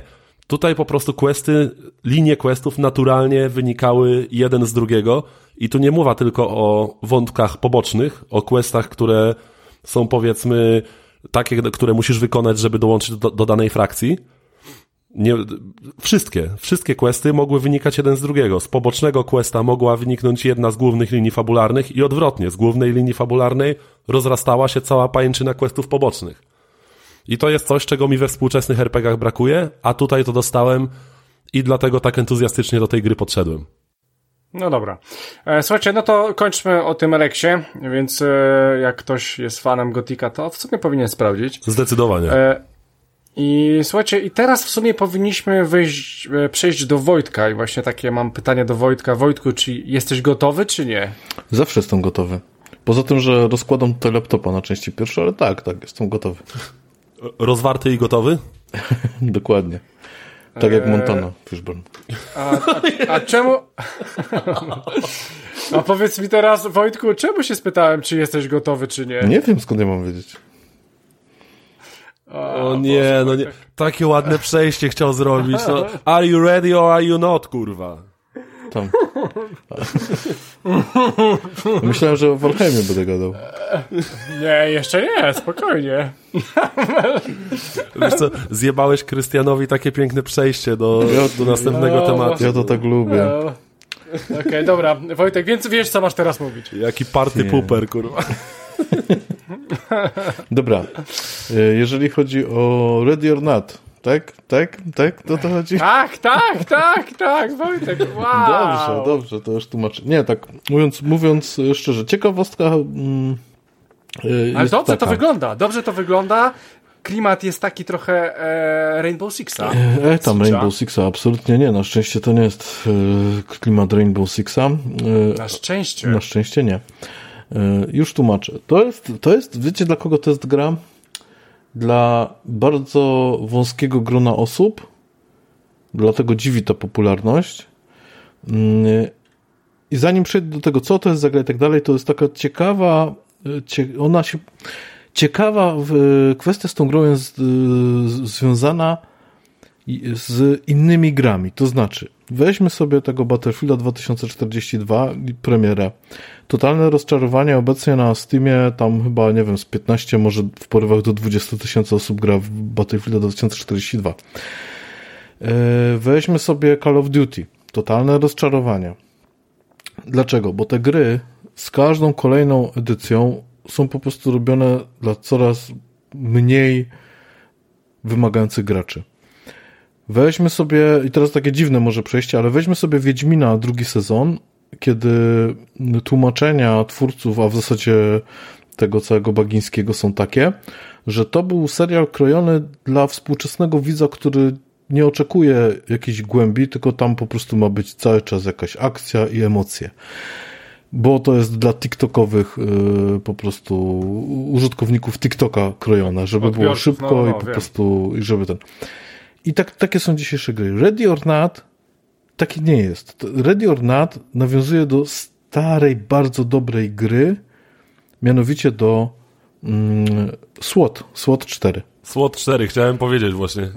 I to jest, to jest Okej. gra, która w zasadzie jakby, po, powiem szczerze, że jakby ktoś mi tą grę pokazał i nie powiedział mi, że to jest jakiś Ready or Not, to ja bym powiedział, o, ktoś tam, nie wiem, zrobił jakiegoś fajnego moda graficznego do SWOT 4 albo coś takiego bym pomyślał, bo tak naprawdę to jest gra, gdzie jakaś grupa osób siadła i powiedziała, my kochamy SWOT 4, chcemy zrobić taką samą grę, tylko na dzisiejsze standardy, nie? Odpowiednią. I to, I to jest dokładnie to. Czyli teraz wszystkie te osoby, które, które pamiętają tą, tą grę i które czekały na SWOT 5, a dostały jakieś właśnie śmieszne Rainbow Six Siege, bo Rainbow Six Siege to miał być SWOT 5. To miała być taka gra, która miała nam zosta- miała po prostu wejść w Znaczy, tą bo lukę. SWOT w ogóle to była chyba Ubisoftu gra, nie? Dobrze pamiętam, czy nie? O, ja nie chcę tutaj szczelić gafy, nie pamiętam. Wiem, czy to Rainbow było- Six, a SWOT to nie, nie, wiem. pamiętam, czy SWOT była e, Ubisoftu. Być może, być może nie, nie wiem. Tego nie wiem. To można zresztą szybko sprawdzić. E, Krystian, jeżeli możesz tam, to, to, to E, zerknij. Już sprawdzam, niestety nie. No, to nie No to zjebałem, przepraszam. E, W każdym razie generalnie chodzi o to, że ci, ci gracze, ci fani czekali, bo słuchajcie, bo to jest fenomenalna gra do, mówię teraz o SWOT 4, to jest fenomenalna gra do kooperacji z kumplami, gdzie każdy ma jednego operatora, jest z czterech, macie kolejne scenariusze, nie ma tam żadnego PvP, znaczy tam w SWOT 4 było PvP, ale to tam nie było aż takie fajne, E, najfajniejsze było po prostu PvE i macie jakieś mapy i trzeba teraz albo na przykład wejść i nie wiem, zrobić porządek z jakimiś terrorystami, albo rozbroić bombę, albo uratować jakiegoś zakładnika, wyprowadzić go tam na zewnątrz, albo coś tam jeszcze innego. Macie po prostu lokalizacje, różne scenariusze w tych lokalizacjach I dokładnie w ten sam schemat posz, poszli twórcy Ready or Not. To jest dokładnie to samo. Czyli bierzesz sprzęt, jaki tam każdy potrzebuje. Na przykład, nie wiem, jeden operator bierze powiedzmy shotguna do obezwładniania takiego na, na takie to się nazywa chyba bean, beanbags, beanbags, o ile dobrze pamiętam. Tak, ale generalnie chodzi o to, że to są takie do obezwładniania taka amunicja. Ktoś tam weźmie na przykład gaz pieprzowy, ktoś weźmie y, pamiętam jeszcze w SWOT 4 był taki fajny karabin na kulki z gazem pieprzowym, czy tam z pieprzem generalnie. Tutaj tego, tego chyba nie ma na razie. Ale już teraz w styczniu ma być kolejna aktualizacja, która ma dodawać nowe bronie i jakąś nową mapę. E, po, poczekaj, poczekaj Wojtku, czyli tutaj możesz grać online i masz normalną kampanię singleplayerową. To nie jest, to nie tyle jest kampania, co to są po prostu scenariusze. Trochę jak ten, no tak, tak, troszeczkę tak, tak. jak, yy, ojejku, jak to się nazywało, teraz mi z głowy taka gra, gdzie się napady na banki robiło, Payday. Payday, tak. To jest mniej więcej to samo. Masz, różne, masz taką mapę, to masz różne scenariusze, wybierasz jakiś scenariusz, wybierasz, znaczy, inaczej, wybierasz mapę, a później w ramach tego, tej mapy czy tej lokalizacji wybierasz sobie jakiś tam scenariusz. Wygląda na to, że oni są, podchodzą do tematu dość ambitnie, bo tam, co ciekawe, to jest w ogóle wersja alfa, czyli to jest bardzo, bardzo wczesna wersja, a ona już jest bardzo grywalna. Myśmy z kumplami posiedzieli troszkę, co prawda graliśmy w trójkę na razie, ale jeszcze tam jednego będziemy dokoptowywać na dniach, żeby Może, Możesz mi kupić PC, to z wami pogram. E, dobrze. Przemyślę temat. Przemyślałem, nie. E, ale ten, generalnie, więc, więc to jest idealne na, na czterech. E, I więc każdy tam bierze jakiś sprzęt. I teraz nie wiem pytanie, co tam się dzieje, najpierw jest odprawa tam ten. No i na przykład tak, widzicie, że trzeba wejść na ostro, albo że przeciwnicy mają kamizelki, albo nie mają. Na przykład jak mają kamizelki, no to już tam amunicja do obezwładniania nie podziała na nich. Trzeba wchodzić na ostro albo jakoś gaz, ale oni mogą mieć maski gazowe, więc gaz już nie wchodzi w grę. No to może flashbang, ale mogą mieć jakiś tam strój, żeby to, wiecie, musisz dostosować, po prostu musisz tak wejść tym składem, żeby w miarę możliwości być gotowym na różne scenariusze, które się tam podzieją. No i przykład, taka jest fajna mapka, stacja benzynowa. Mhm. No i tak, w zasadzie też jest fajne, to jest dużo błędów. Błąd z, wczorajszy, dosłownie ze wczoraj. No alfa, y, ale Wojtek, alfa. No tak, oczywiście, ale to są fajne, znaczy one niektóre są takie, że kładziesz się na ziemię i, i, i ze śmiechu. Akcja, nie? Stacja benzynowa, nie? Podjeżdża tam ten nasz skład, wy, wyładowuje się z, z wana, no i tak podchodzimy do tych drzwi no i tam kombinujemy. Jedno sprawdził, co za pierwszym winklem, czysto. Za drugim winklem, chyba czysto, dobra. Są te drzwi główne, te wejście takie do, do tej stacji benzynowej. No już tam, ktoś tam sprawdza, tak, o, jest chyba mina podłożona pod tym, że dobra, trzeba roz, tą minę trzeba rozłożyć, co tam w środku, a, no tutaj tam gdzieś jest po lewej jakiś jeden terrorysta chyba, po prawej jakiś cywil, nie? Dobra, rozbroiłeś tą minę? No jeszcze nie, dobra, nie? Tam coś tam, coś tam się ogarniamy. Dobra, mina rozbrojona, słuchajcie, to zaraz wchodzimy, nie? No trzy, dwa i nagle za nas, to znaczy nie wiadomo skąd się wziął, prawdopodobnie sobie tam spacerował gdzieś, przebiegł obok nas koleś, my przy tych drzwiach stoimy, a on przybiegł obok nas terrorysta, taki zamaskowany z karabinem, otwarł te drzwi, wbiegł do środka i zamknął je za sobą, nie? Dosłownie, dosłownie przy nas, nie? Tak, myśmy byli tak zdezorientowani po prostu, że po prostu to był totalny szok. Oczywiście myśmy zaczęli się brechtać, tam poleciały jakieś flesze, poginęliśmy, bo takie błędy się tam zdarzają, także jeżeli ktoś już musi mieć taką grę na tip-top, no to, to nie, no to, to jeszcze nie jest to, faza, nie? Ale nadal się w to gra bardzo fajnie.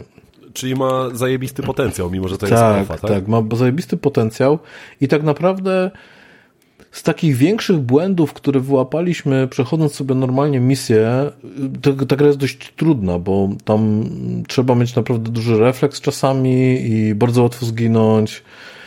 Trzeba rozsądnie otwierać drzwi, trzeba sobie, są takie kamerki pod drzwi, tak? No, tam sprawdzasz na przykład, trzeba się rozejrzeć, czasami, aha, dobra, jak tu zaczniemy strzelać, to prawdopodobnie tamte drzwi się otworzą i tych dwóch typów, co tam żeśmy widzieli, może nam strzelać w plecy, więc możemy tam jakiegoś klina załadować albo coś pod drzwi. Trzeba tak po prostu taktycznie bardzo myśleć i idzie się zazwyczaj powoli, ale są też wyjątki, bo są też takie misje, gdzie po prostu musisz iść jak przecinek, żeby zdążyć w czasie, nie? Bo tam na przykład bomba wybuchnie albo coś takiego.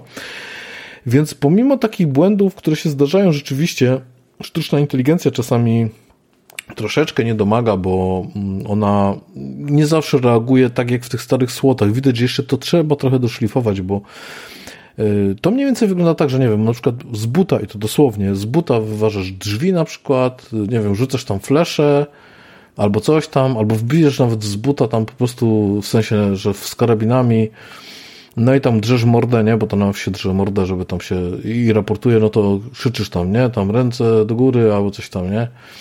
No i oni albo się poddają, albo się nie poddają. Jak się nie poddają, na przykład, jeżeli to jest terrorysta, no to gorzej, tak? Bo może w każdej chwili broń wyciągnąć, albo to może być cywil, który wygląda na cywila, a na chwilę z, z zapozuchy wyciąga broń, albo może być tak, że jakiś cywil wpada w panikę, gdzieś ucieka, tam są terroryści, mogą go zastrzelić, chociaż takiego przypadku nie mieliśmy, więc to pewnie też będzie dopiero dopracowane. Ja po prostu sobie przypominam, jak to było w tych starych słotach i tam była taka sytuacja, że jak się nie opanuje w miarę szybko pokoju, no to mogą być ofiary takie wynikające z jakiejś tam paniki.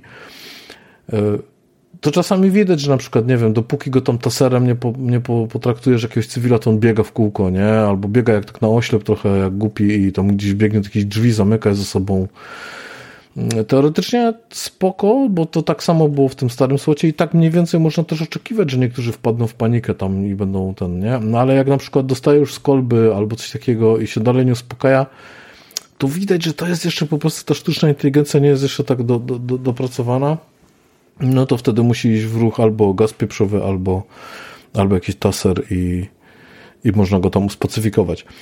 Więc tak, wraca, wracając jeszcze do tego, co na początku powiedziałem, to jest fenomen, bo ta gra jakieś tam y, rekordy popularności bije i, i, i sprzedażowe też. Ona jest w fazie alfa, jest trudna, to nie jest casualowa gra, i jest nawiązaniem do SWOT 4.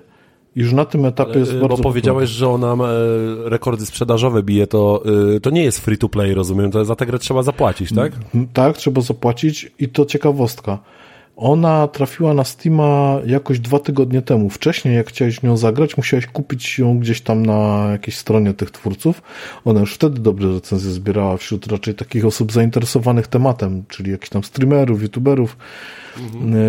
To, to bardzo dobre oceny zbierała, no ale ona nie wypłynęła na szerokie wody, dlatego że ilość kluczy, która była tam generowana, była ograniczona i ludzie na przykład chcieli sobie ją kupić, ale nie mogli.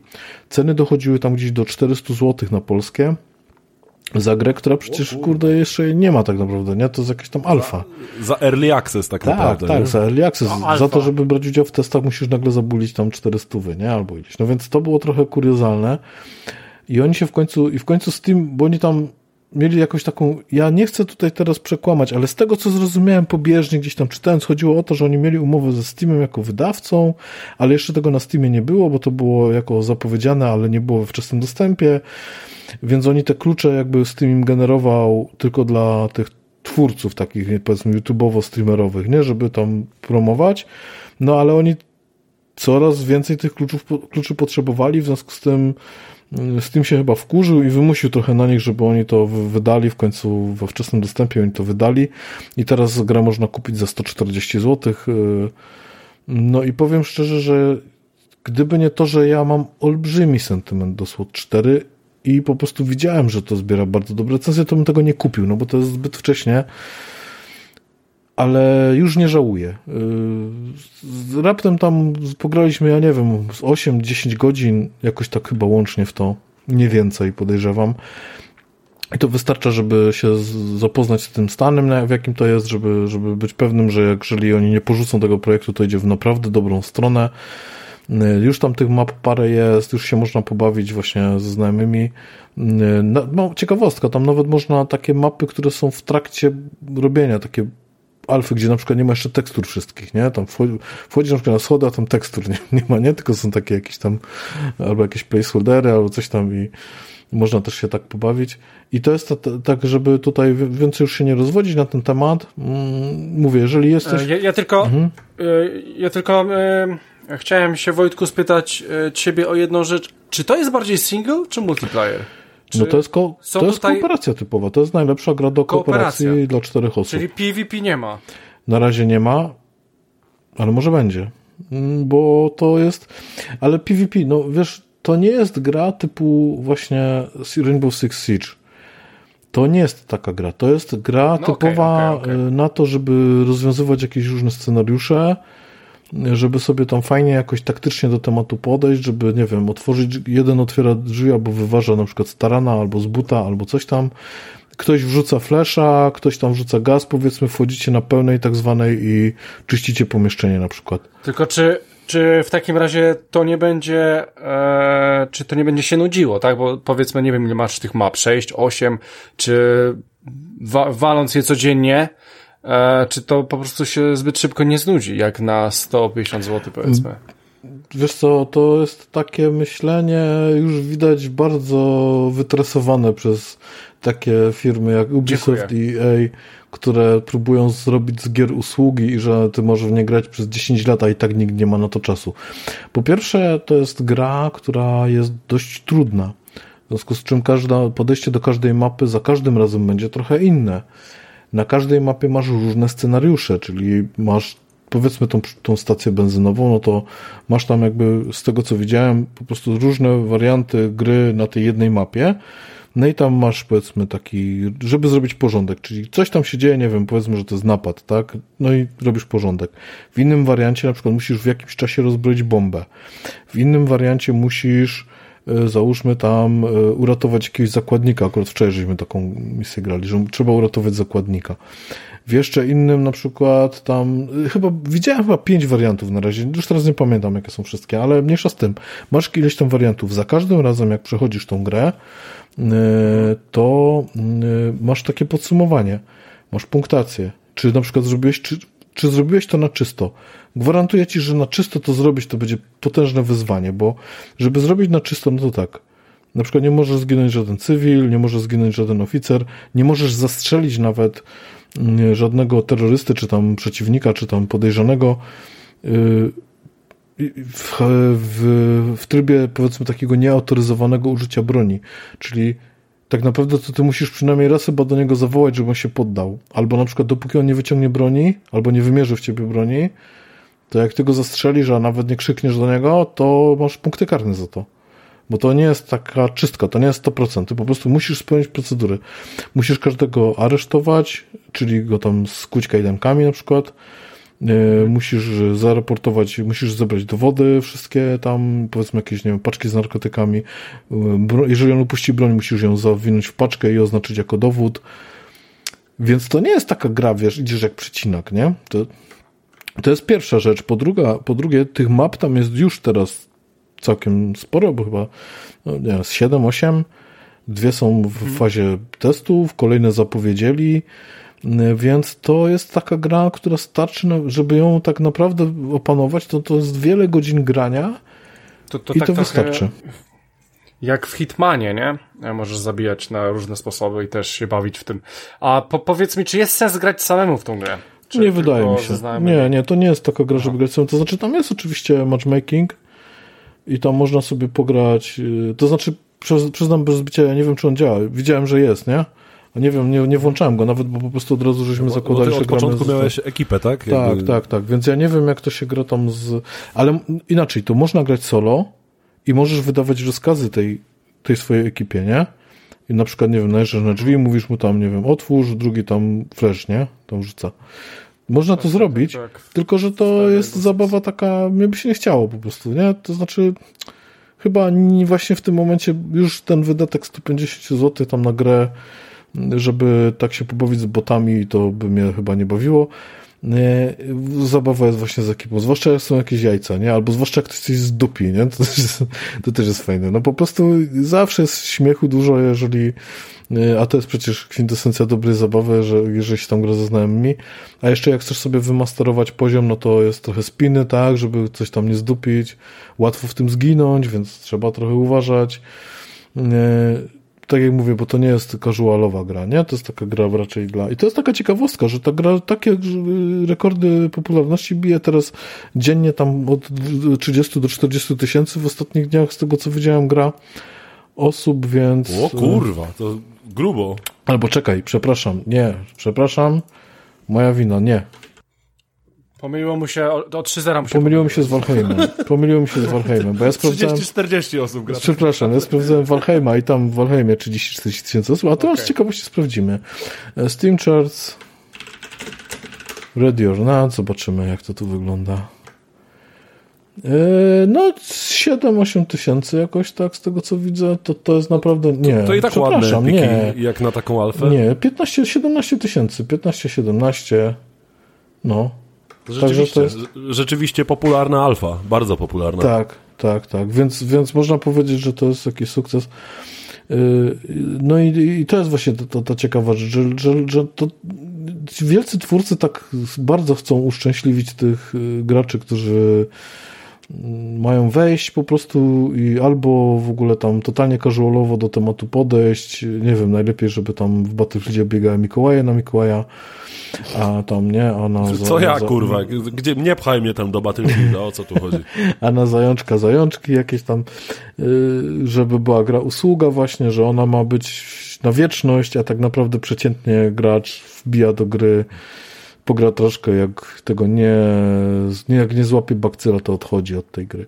I wydawcom w większości zależy tylko na tym, żeby sprzedać grę. Jeżeli się sprzeda, to już jest pierwszy sukces. Tak naprawdę ci z Battlefielda przecież już są urobieni, bo mają tam rekordy sprzedażowe i gra się sprzedała tam w tym czasie. Ale widać właśnie, że tego typu gry y, pokazują, że jakby nisze też mają swoje miejsce właśnie Otóż i to, to. mogą znaleźć naprawdę zajebiste miejsce i często właśnie takie nisze y, rodzą nam takie niespodziewane perełki, nie? Właśnie gierka, która wyskoczyła tak naprawdę znikąd i może wyd- się wydawać na początku, że trochę żeruje na sentymencie ludzi, którzy grali w SWOT 4, nagle się okazuje mega grywalna, mimo że jest na bardzo wczesnym stadium rozwoju. I jeszcze ciekawostka jest też taka, że to jest przecież odgrzewany kotlet yy, i tutaj w tej grze nie ma niczego nowego.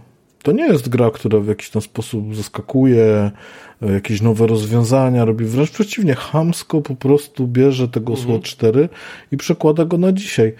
I to jest Tylko wszystko, co powiedzmy oni w jakiejś tam nie? ładniejszej oprawie. Tak, w ładniejszej oprawie. To jest wszystko, co tam jest zrobione. Są dobrze, większe mapy, może tak, troszeczkę i tak dalej, ale tak naprawdę to się, mówię, to się niczym nie różni.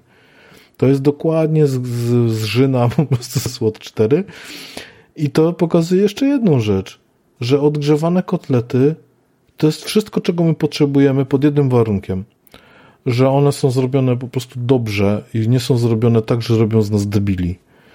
No, Jakby odgrzewany kotlet może być bardzo smaczny, tylko jak jest zrobiony kurwa na patelni, a nie w mikrofali, nie? Na przykład, nie? Więc to o to chodzi, że to jest, to jest fenomen na, kilka, na kilku poziomach. Po pierwsze, że alfa i już naprawdę zg- zgrywalna, trochę jak Valheim, o którym sobie dzisiaj jeszcze chwilkę opowiemy. Jest, y, jest to gra trudna, a jest już popularna, już... y, Wiecie, no zobaczymy, co przyniesie przyszłość, bo następne, powiedzmy, tam miesiące to pewnie chłopaki się zepną w sobie i naprawdę będą tam cisnąć.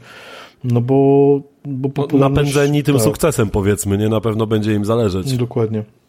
No, a jak będzie popularność wyglądała za, za miesiąc, dwa, trzy, albo na przykład w dniu premiery, jeżeli ta gra kiedyś ujrzy premierę, bo to nie zawsze przecież jest reguła, że, że gry są wydawane w wersji tej ostatecznej, no to, to zobaczymy. Natomiast na dzień dzisiejszy to jest już, to już pokazuje, że, że jest fajnie. I takich gier jest trochę więcej, które się tam bujają w tym wczesnym dostępie i zyskują popularność tak nagle, gdzieś tam dopiero w pewnym momencie. Y, Tak jest przecież z y, Hunt Showdownem, który też był popularny w, w wczesnym dostępie, a tak naprawdę wypłynął na szerokie wody dopiero chyba po premierze i to tam z, w związku z jakimś eventem ludzie zaczęli do niego wracać. Oni nagle się okazuje, że jak ludzie zaczęli wracać, no to też kurczę, no to oni coś zaczynają tam robić. Teraz niedawno mapa kolejna powstała. Nie, więc no tak, taki jest żywot gry. Jeżeli jest popularna, no to twórcy chcą nad nią pracować i, i się cieszą.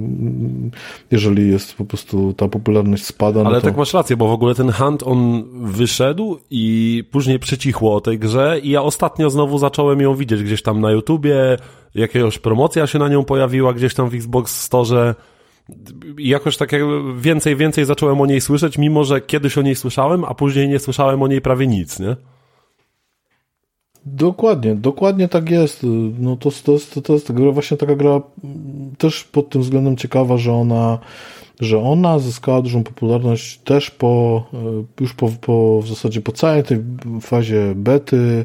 Ona już wydawało się, że już jakby osiągnęła swój szczyt popularności. Okazało się, że nie, że tam po, premiera była, to tam była, no to część graczy wróciła, zobaczyć co tam się dzieje. A potem taki evencik był, nowy mm -hmm. boss się pojawił i nagle się okazało, że to jest ciekawe, ta gra jest trudna, to nie jest prosta Ale właśnie ty, y, powiedz mi, ty grałeś w tego Hunta? Tak y, wpadając w dygresję, ale spoko, mamy jeszcze trochę czasu, w sumie chętnie bym cię zapytał o to. No, ja w to gram namiętnie, cały czas praktycznie. Okej, okay. bo ja widziałem, że to jest też na Xboxa dostępne, to mówisz, że warto sprawdzić tę gierkę? Wiesz co, nie wiem, jak na Xboxie by się w to grało, no bo to jest jednak gra taka gdzie ta precyzja strzelania jest kluczowa, więc y, gra jako e, taka ja jest fajna, na... ale czy na Xboxie, no to nie chciałbym ci tutaj powiedzieć, to byś mm -hmm, musiał mm -hmm. sobie, o, jak Krystian grał, no to ci powiem. Grałem, grałem na Xboxie, była otwarty weekend, był jeden i sobie odpaliłem, było bardzo spoko, e, bardzo fajnie się w to grało. E, tylko ale powiedzcie mi, to jest PvE, PvP, jak, jak tak, się w to tak, gra w ogóle? Masz, tam, no to Wojtek, tam chyba z tego co pamiętam, tam są zespoły kilkuosobowe versus kilkuosobowe zespoły plus e, to, co jest na planszy. Już tłumaczę, Taki już tłumaczę i objaśniam. Zróbmy taką dygresję. Już tłumaczę i objaśniam, a... Ale niedługo. Dobrze, a taką ciekawostkę tylko powiem, zanim jeszcze do tego przejdę, że o, na Boże. początku jak gra wyszła gdzieś tam w 2018 roku, w lutym miała 10 tysięcy graczy, potem oni tak szybko gwałtownie spadło do dwóch, Potem znowu był jakiś taki pik do 14 w wakacje, widocznie jakieś tam promocje były. A później w pewnym momencie ona w 2019 roku wskoczyła na regularnie 12 tysięcy, a ciekawostka w marcu 2021 roku, i to chyba był właśnie ten event, już jest 32 tysiące, a w zasadzie od y, sierpnia do dziś regularnie 30 tysięcy osób y, w to cały okay. czas gra. Czyli, czyli gra odżyła długo po premierze w sumie. To ciekawy przypadek dosyć. Tak, to jest dość ciekawy przypadek. Y, to znaczy po premierze, bo ta premiera tam była nie tak znowu dawno temu, to znaczy ona, nie pamiętam. No ale to już z 2-3 lata temu. Chyba z się, 2 bo to, lata temu. No, bo to Krajteka gra jest i ja pamiętam, mm. że mhm jakby dość głośno o tym było w pewnym momencie, a później przycichło i teraz znowu o niej słyszę, tak mhm. tak jak właśnie mówiłem. Coś chyba to było, w, ja nie chcę się też tak wprowadzać w błąd, ale chyba grudzień 2019 roku była premiera, tak mi się wydaje. No mniejsza okay. z tym, o co chodzi w grze? No właśnie, y, powiedz pokrótce, jak To jak jest gra... PvP? Wojtek, maksymalnie 5 minut. To ja się zmieszczę szybciej. Nie, nie będziemy aż tyle gadać o tym. Kto chce, to sobie zagra. PvP podzielone na drużyny, to znaczy są dwa tryby rozgrywki. Ten bardziej, najbardziej popularny polega na tym, że wbijasz do gry na jedną z trzech ma w, w, tak, na jedną z trzech map, przy czym wszystkie te mapy są w dwóch wariantach. Z jednym bossem albo z dwoma bossami. Y, wbijasz albo w jedno, w jednoosobowy, jako jedna osoba, albo w drużynach dwu lub trzyosobowych i y, twoim celem jako gracza lub drużyny jest zlokalizować bossa, to się robi przez to, że biegasz od lokacji do lokacji, szukasz takich wskazówek, wskazówki ci pokazują, gdzie jest boss, jeżeli masz szczęście, no to biegasz... Jakieś tam tropienie jest jakby, tak? E, to, wiesz co, to tam trochę za dużo powiedziane. Podbiegasz do takiej lokacji, tam jest takie, to się chyba nazywa źródło, e, klikasz na to, no i to tak jakby klikasz, to tam wchłaniasz taką jakąś energię, czy coś takiego i, i to ci podpowiada, gdzie tego bossa nie ma. I jak okay. bierzesz drugą, znowu ci podpowiada, gdzie go nie ma. Jak bierzesz trzecią, to ci już podpowiada dokładnie, gdzie jest. Nie? Czyli jakby takie na zasadzie wykluczania, nie? Co, coraz bardziej się tam okay. zbliżasz. Mm. A jak masz szczęście, no to trafiasz na lokację, a jak tam już jest boss, no to już go znalazłeś, nie? To można mieć tak, można mieć szczęście, że się spełnisz, pobiegasz na pierwszą lokację, tam jest boss i już go tłuczesz. No i teraz yy, twoim zadaniem jest zabić bossa, zgarnąć trofea, ka, trofea, każdy boss rzuca takie dwa trofea, czyli jeżeli jesteś sam, no to jedno uciekasz, jeżeli w dwójkę, no to dwa, jeżeli w trójkę, no to dwie osoby biorą, a jedna jest takim orbitującym, powiedzmy, graczem. Oczywiście nagroda zgarnia drużyna, jeżeli cała uda się do, do, do ewakuacji. No i tyle. I tylko problem polega na tym, że same zabicie bossa nie jest problemem, bo to zabicie bossa jest bardzo proste w tej grze. To nie jest. Zdarza się, że ktoś tam zginie, ale Tylko kwestia jest, że druga drużyna też go Tak. może zabić i rywalizujesz z drugą drużyną o te trofea, tak? Dokładnie. I na przykład jeżeli Okej. często jest tak, że drużyna się tam tłucze z bossem, a druga i trzecia na przykład już w krzaczorach gdzieś tam na zewnątrz. Jak, jak na siebie wpadną, to już do siebie strzelają i nagle słyszysz jakieś zamieszanie, nie? Ob- Obok lokacji. Albo na przykład y, jak są, jest dwóch bossów na mapie, nie? No to słyszysz, że gdzieś tam na północnym na przykład wschodzie już tam się napierdzielają i się zastanawiasz, czy ty tu jesteś sam na tym pierwszym bossie na przykład, czy jeszcze tu jest jakaś drużyna, może dwie drużyny, nie wiesz do końca co się dzieje to jest jakby pierwsza rzecz. No oczywiście drużyna może cię zastrzelić, przejąć trofeum uciec, nie? Ale co jest jeszcze ciekawe w tej grze, ona nie daje ci żadnych takich konkretnych informacji typu zabiłeś tego gracza, nie? Tam, nie wiem, Oldupa zabił tam nie wiem, tam Montana Fishburne 12, nie? Nie ma czegoś takiego. Po prostu za, zabiłeś, jeżeli widzisz, że zginął, to zginął. Yy, Okej. Przy czym jak trafisz w głowę, to rzeczywiście jest taki dźwięk, że ty wiesz, że go zabiłeś. To, to, to jest jedyny wyjątek. A jeżeli zabijesz go tak po prostu strzałem, no to jeżeli jesteś w odpowiedniej odległości od niego, no to to usłyszysz, ale jeżeli jesteś w nieodpowiednim momencie, e, w w nieodpowiednim, jesteś dalej troszeczkę, no to możesz tego nie usłyszeć po prostu, że on upadł. A jeżeli on gdzieś upadł w krzaczorach, no to strzeliłeś, trafiłeś, bo jest taki iksik, trafiłeś, ale coś się stało, może żyje, może nie żyje, może tam już ktoś go wskrzesił, bo każdy, każdy ma Okej. takie paseczki, można go wskrzeszać, w zależności od tego, masz 150 życia, ale podzielone na paski, krótkie i długie, jak i tyle, ile masz pasków, tyle razy życie może twój towarzysz podnieść, no ale to też jest pewien problem, na przykład możesz leżeć, ktoś rzuci na ciebie koktajl Mołotowa, ty się palisz, to możesz się spalić, jak cię szybko nie podniosą. No to jest dużo takich niewiadomych, Niuansów takich, takich, może, fajne. Możesz, możesz, dobrze. kurczę. ile razy myśmy mieli taką sytuację, że wydawało nam się, że jesteśmy ostatni na mapie, biegniemy do ewakuacji, dwóch bossów na przykład żeśmy zrobili, wszystkich chyba żeśmy zrobili na mapie, biegniemy do ewakuacji, nagle się okazuje, że tam jest jakiś jeszcze team, który po prostu się przyczaił i, i, i- i tamten. No i tyle, tak to wygląda. Bardzo fajna gra, naprawdę jedna z fajniejszych gier, jeżeli chodzi o takie wyzwania.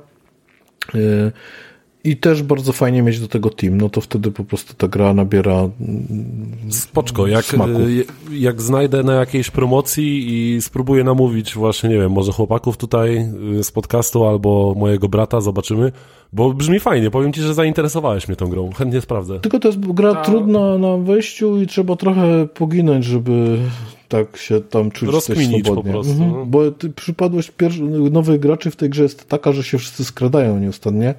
W związku z czym jak widzisz, że ktoś się cały czas skrada, to już wiesz, że to jest jakiś noob, jest po prostu go bez problemu zdejmiesz, bo, No bo tak. w tej grze się trzeba skradać, trzeba być cicho, trzeba uważać, bo tam kruki można spłoszyć, no to już wszyscy wiedzą, gdzie jesteś, takie tam. Ale generalnie, y, jak już jest walka, no to nie ma sensu się skradać, tak? No bo to nie ma sensu, jesteś wolniejszy, narażasz się na strzał, więc już tam ci tacy gracze doświadczeni po prostu biegają i napierdzielają, nie? Miało być 5 minut, jest powyżej 5 No minut. pięknie. E, O Hancie, Tomek... No ale e, co Wojtek poradzę, no zainteresowało mnie, to kurwa się chciałem dowiedzieć. Okej, Wojtek mówi 50 odcinków czy 100 odcinków temu, to sobie posłuchaj, bo mówił o Hancie na 100%, jest chyba nawet odcinek na, na ten temat, e, więc zapraszam do poprzednich odcinków, Mikołaj. E, słuchajcie, to teraz miałem powiedzieć ja o czymś, ale no niestety dzięki Wojtek nie powiem o tym, o czym chciałem powiedzieć, bo Mikołaj jest ważniejszy tym razem. Ale Krystian, E, mów, mów, mów. E, nie, e, Mikołaj, nie byłeś w zeszłym odcinku, a chcieliśmy usłyszeć to, to twoje top 3. Ja w ogóle chciałem e, nagrać ciebie i żebyś je o nich powiedział albo coś napisać, ale wiem, że byłeś, e, niezbyt dobrze się czułeś. W związku z Tak, tym małe tak, tak, tak. powiedz o swoich trzech top grach.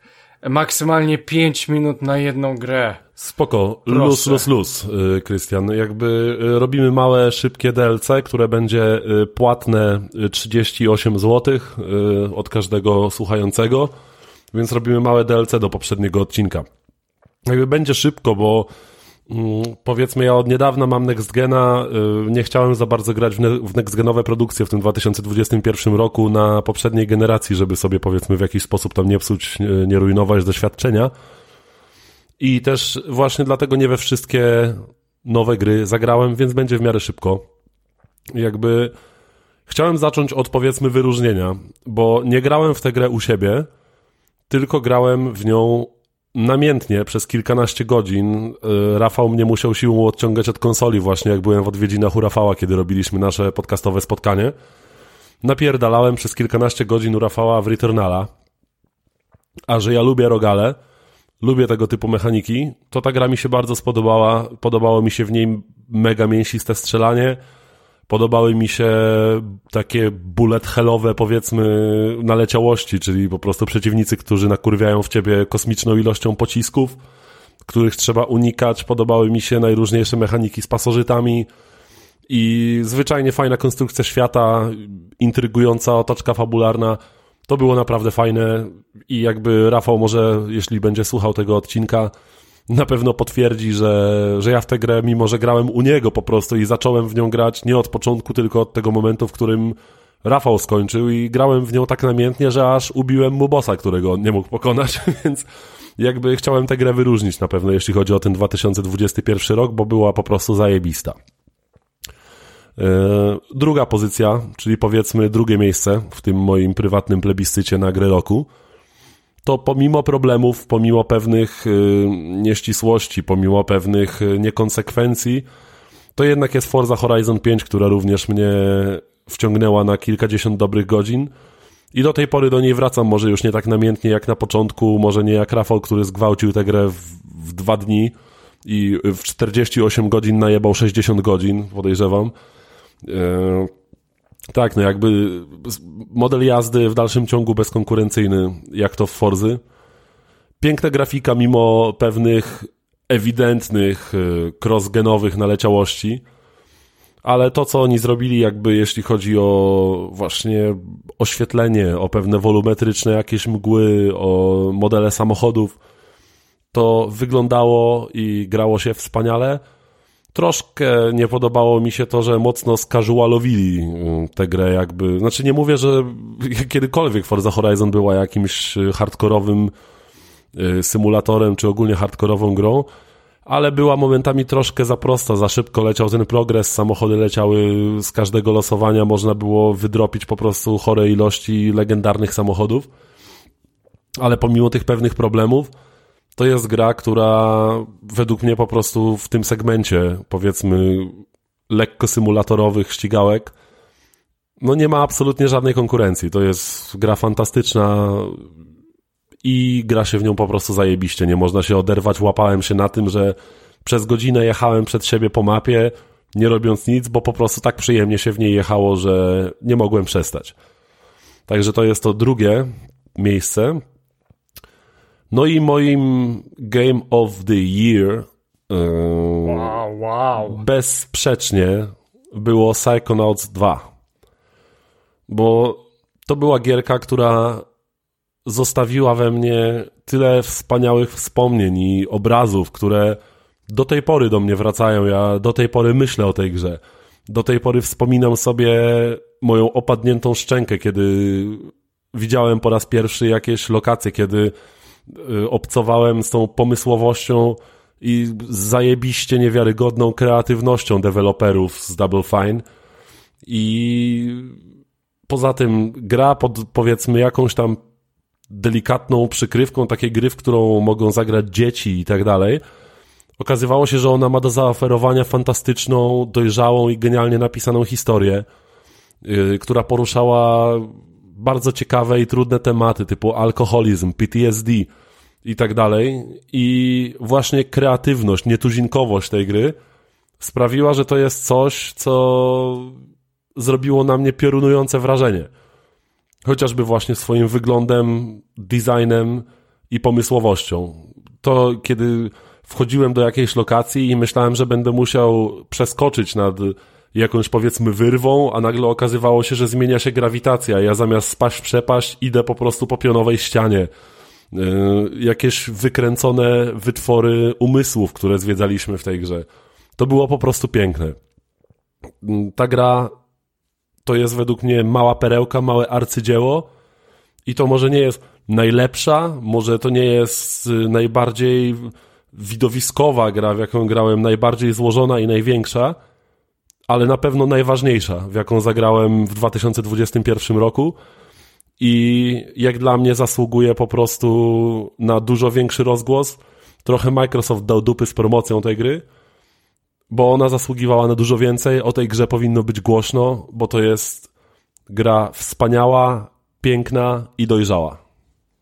I tyle ode mnie, jeśli chodzi o moje top 3. Okej, okay, super. Eee myślę, że te tytuły w ogóle się pojawiały, Mikołaj, w poprzednim, e, w, po, w poprzednim odcinku. Posłucham na pewno w wolnej chwili. Em, Więc e, chyba wszystko, wszystko tutaj padło wcześniej. E, dobra, więc e, super. W takim razie chyba już teraz możemy przejść do naszego e, tematu głównego. Ja jeszcze chciałem powiedzieć, że w 113 odcinku Wojtek opowiada o Hancie, e, więc sobie ściągnij. Ja zaraz dodam ten odcinek na Spotify'a przy O, okazji. spoczko, to tym bardziej chętnie posłucham. E, więc zaraz, zaraz on będzie. E, I jedziemy z Valheim. Valheim, słuchajcie, survival w otwartym świecie e, przez szwedzkiego dewelopera Iron Gate Studio. E, gra z lutego zeszłego roku, więc już ma praktycznie rok. No i słuchajcie, sporo ludzi przepadło. Survival z wikingami w roli głównej, czyli chyba taki lepszy Assassin's Creed Valhalla, byśmy go porównali, więc Wojtku, powiedz mi, czemu ta gra jest taka dobra i czy faktycznie mamy, mamy czego żałować, że nie mamy e, takiego peceta, żeby w to pograć. Zacznijmy od tego, że to nie ma nic wspólnego z Assassin's Creedem. Chociaż, Nie, no ja wiem, chociaż tak, ciekawostka, chociaż ciekawostka w, os- w ostatnim chyba naszym nagraniu O, walnąłem taką gafę Rzetelne powiedziałem, dziennikarstwo. Oj, dobra, przecież wiem. Nie, nie, ale czekaj, bo tu, to jest no czekaj, Krystian, No. chodzi o to, że ja w poprzednim odcinku się przejęzyczyłem i powiedziałem Assassin's Creed Valheim. W związku z, w związku z czym coś tu, Możliwe, coś tu jest na możliwe. rzeczy. Yy, ale, ale tak, o co chodzi w Valheim i czy, czy macie czego żałować? Troszkę tak. Yy, bo teraz tak się zamyśliłem na moment, bo się zastanawiam, czy dałoby się to grać na padzie. Yy, Teoretycznie da się to grać na padzie, ale pewnie nie byłoby to takie takie mm, przyjemne. Mm, Ale dałoby się, tak, tak, myślę, że tak. Y, Natomiast y, o co chodzi w Wiesz, tej to grze? jest tylko kwestia inteligentnie zaprojektowanego sterowania. No, Wszystko się da zrobić według mnie. Tak, tak, tak, tak, to, to, to prawda. w. To prawda, chodzi o to, że przy budowaniu tam czasami jest, y, nawet do myszcy czasami ciężko coś tam precyzyjnie y, dobrać, więc podejrzewam, że na padzie, przynajmniej ja jako raczej częściej korzystający z myszki niż pada, chociaż też z pada korzystam, to może bym się wkurzał. Mniejsza z tym. Y, I takie jeszcze jedno sprostowanko. Ta gra tak naprawdę jeszcze nie wyszła. Ona, to znaczy inaczej, ona jest we wczesnym dostępie znowuż. Stan, wszystkie tak. gry na PC są we wczesnym No, GTFO, GTFO też było przez dwa lata we wczesnym dostępie. W, Hunt też był, tak? Słucham, i w- Ready or Not masz we wczesnym, Hunt. Hunt Showdown też był we wczesnym dostępie. No to jest takie, tak, tak, taka domena naszych czasów. Więc nie, nie, nie, jednej. Grania na PC chyba, grania na PC, bo wszystkie gry, które my dostajemy na konsolach są pełne. No. Oczywiście za, zabagowane Jak też. Cyberpunk na przykład? Tak, dokładnie. Yy, No tak, tak, tylko że yy, no to ma swoje wady i zalety. Na pewno zaletą w przypadku Valheim, żeby tutaj do niego się raczej tak odnosić, jest to, że dostaliśmy tą grę wcześniej, w związku z tym twórcy, a w zasadzie jeden twórca, bo to jeden misiek na początku tam robił jakiś, bardzo zadeklarowany chyba, bardzo zdeterminowany, żeby coś takiego powstało. Potem chyba ta grupa miała pięć osób, a potem już jak się okazało, że to jest popularne i to się okazało, że to jest rzeczywiście fajna gra, no to jakby dostali wiatru w skrzydła. Może tego wiatru w skrzydłach na razie jeszcze nie widać, bo tam aż tak dużo się nie dzieje, jakby można sobie życzyć. Yy, Natomiast ostatnio był całkiem duży patch. No ale to są rzeczy drugorzędne. Gra jest rzeczywiście grywalna, nie ma w niej zbyt wiele błędów, i więc, więc jakby zostawmy to. O co chodzi w Valheim? To jest gra, fenomen na kilku znowuż poziomach, dlatego że po pierwsze y, to jest bardzo dobry, dobrze zrobiona gra survivalowa z bardzo dobrze wykonanym craftingiem, z bardzo ciekawą eksploracją. Bardzo fajnie się w to gra zarówno solo, jak i w kooperacji. W każdym z tych sposobów grania jest pewien urok, o którym też za chwilkę opowiem Y, jest piękna, po prostu ona jest wizualnie bardzo ładna. Ona, Ale właśnie, właśnie jak oglądam te screeny e, z, nie wiem, z premiery, to przecież to jest pikseloza jak chuj. To jest piękna pikseloza.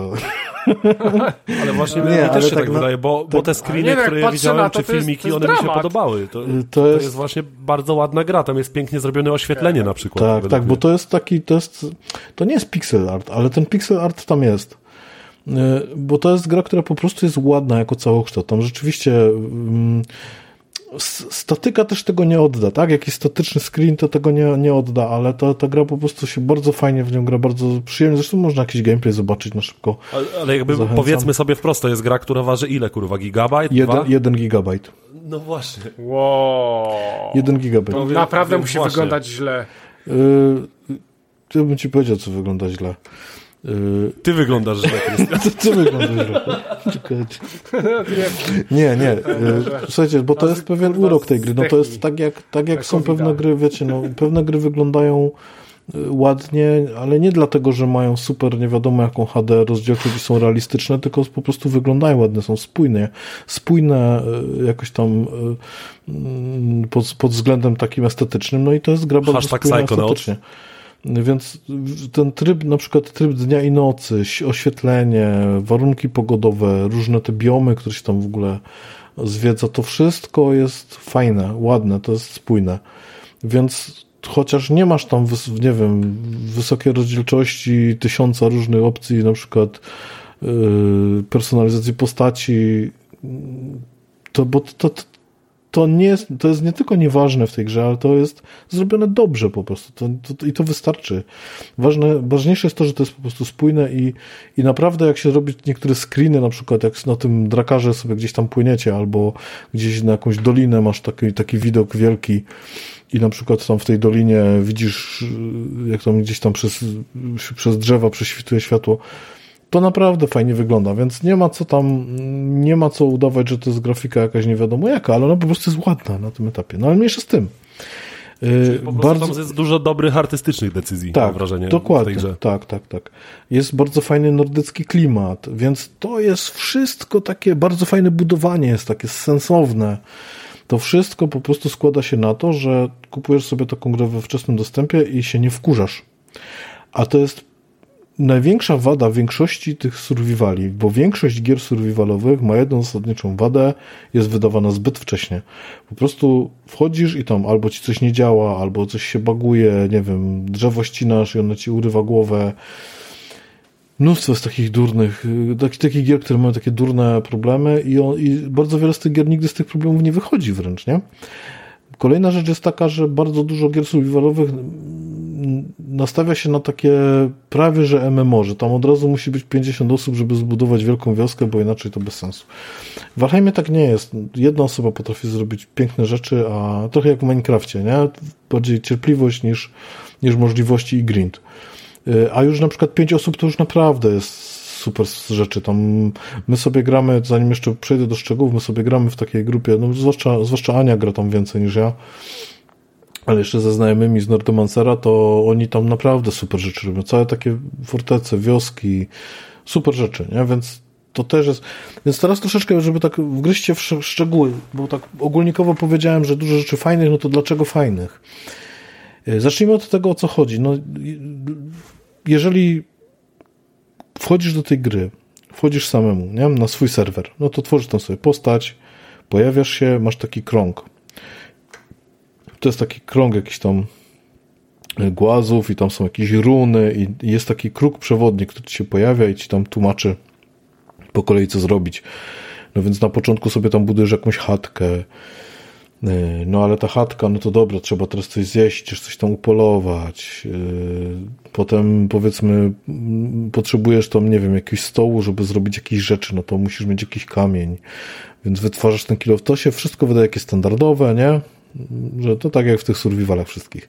Natomiast co jest świetne w tej grze? Że ona tak w pewnym sensie prowadzi cię troszeczkę za rękę. Ona nie jest bardzo skomplikowana. Tak jak nie przymierzając tutaj na przykład yy, Ark.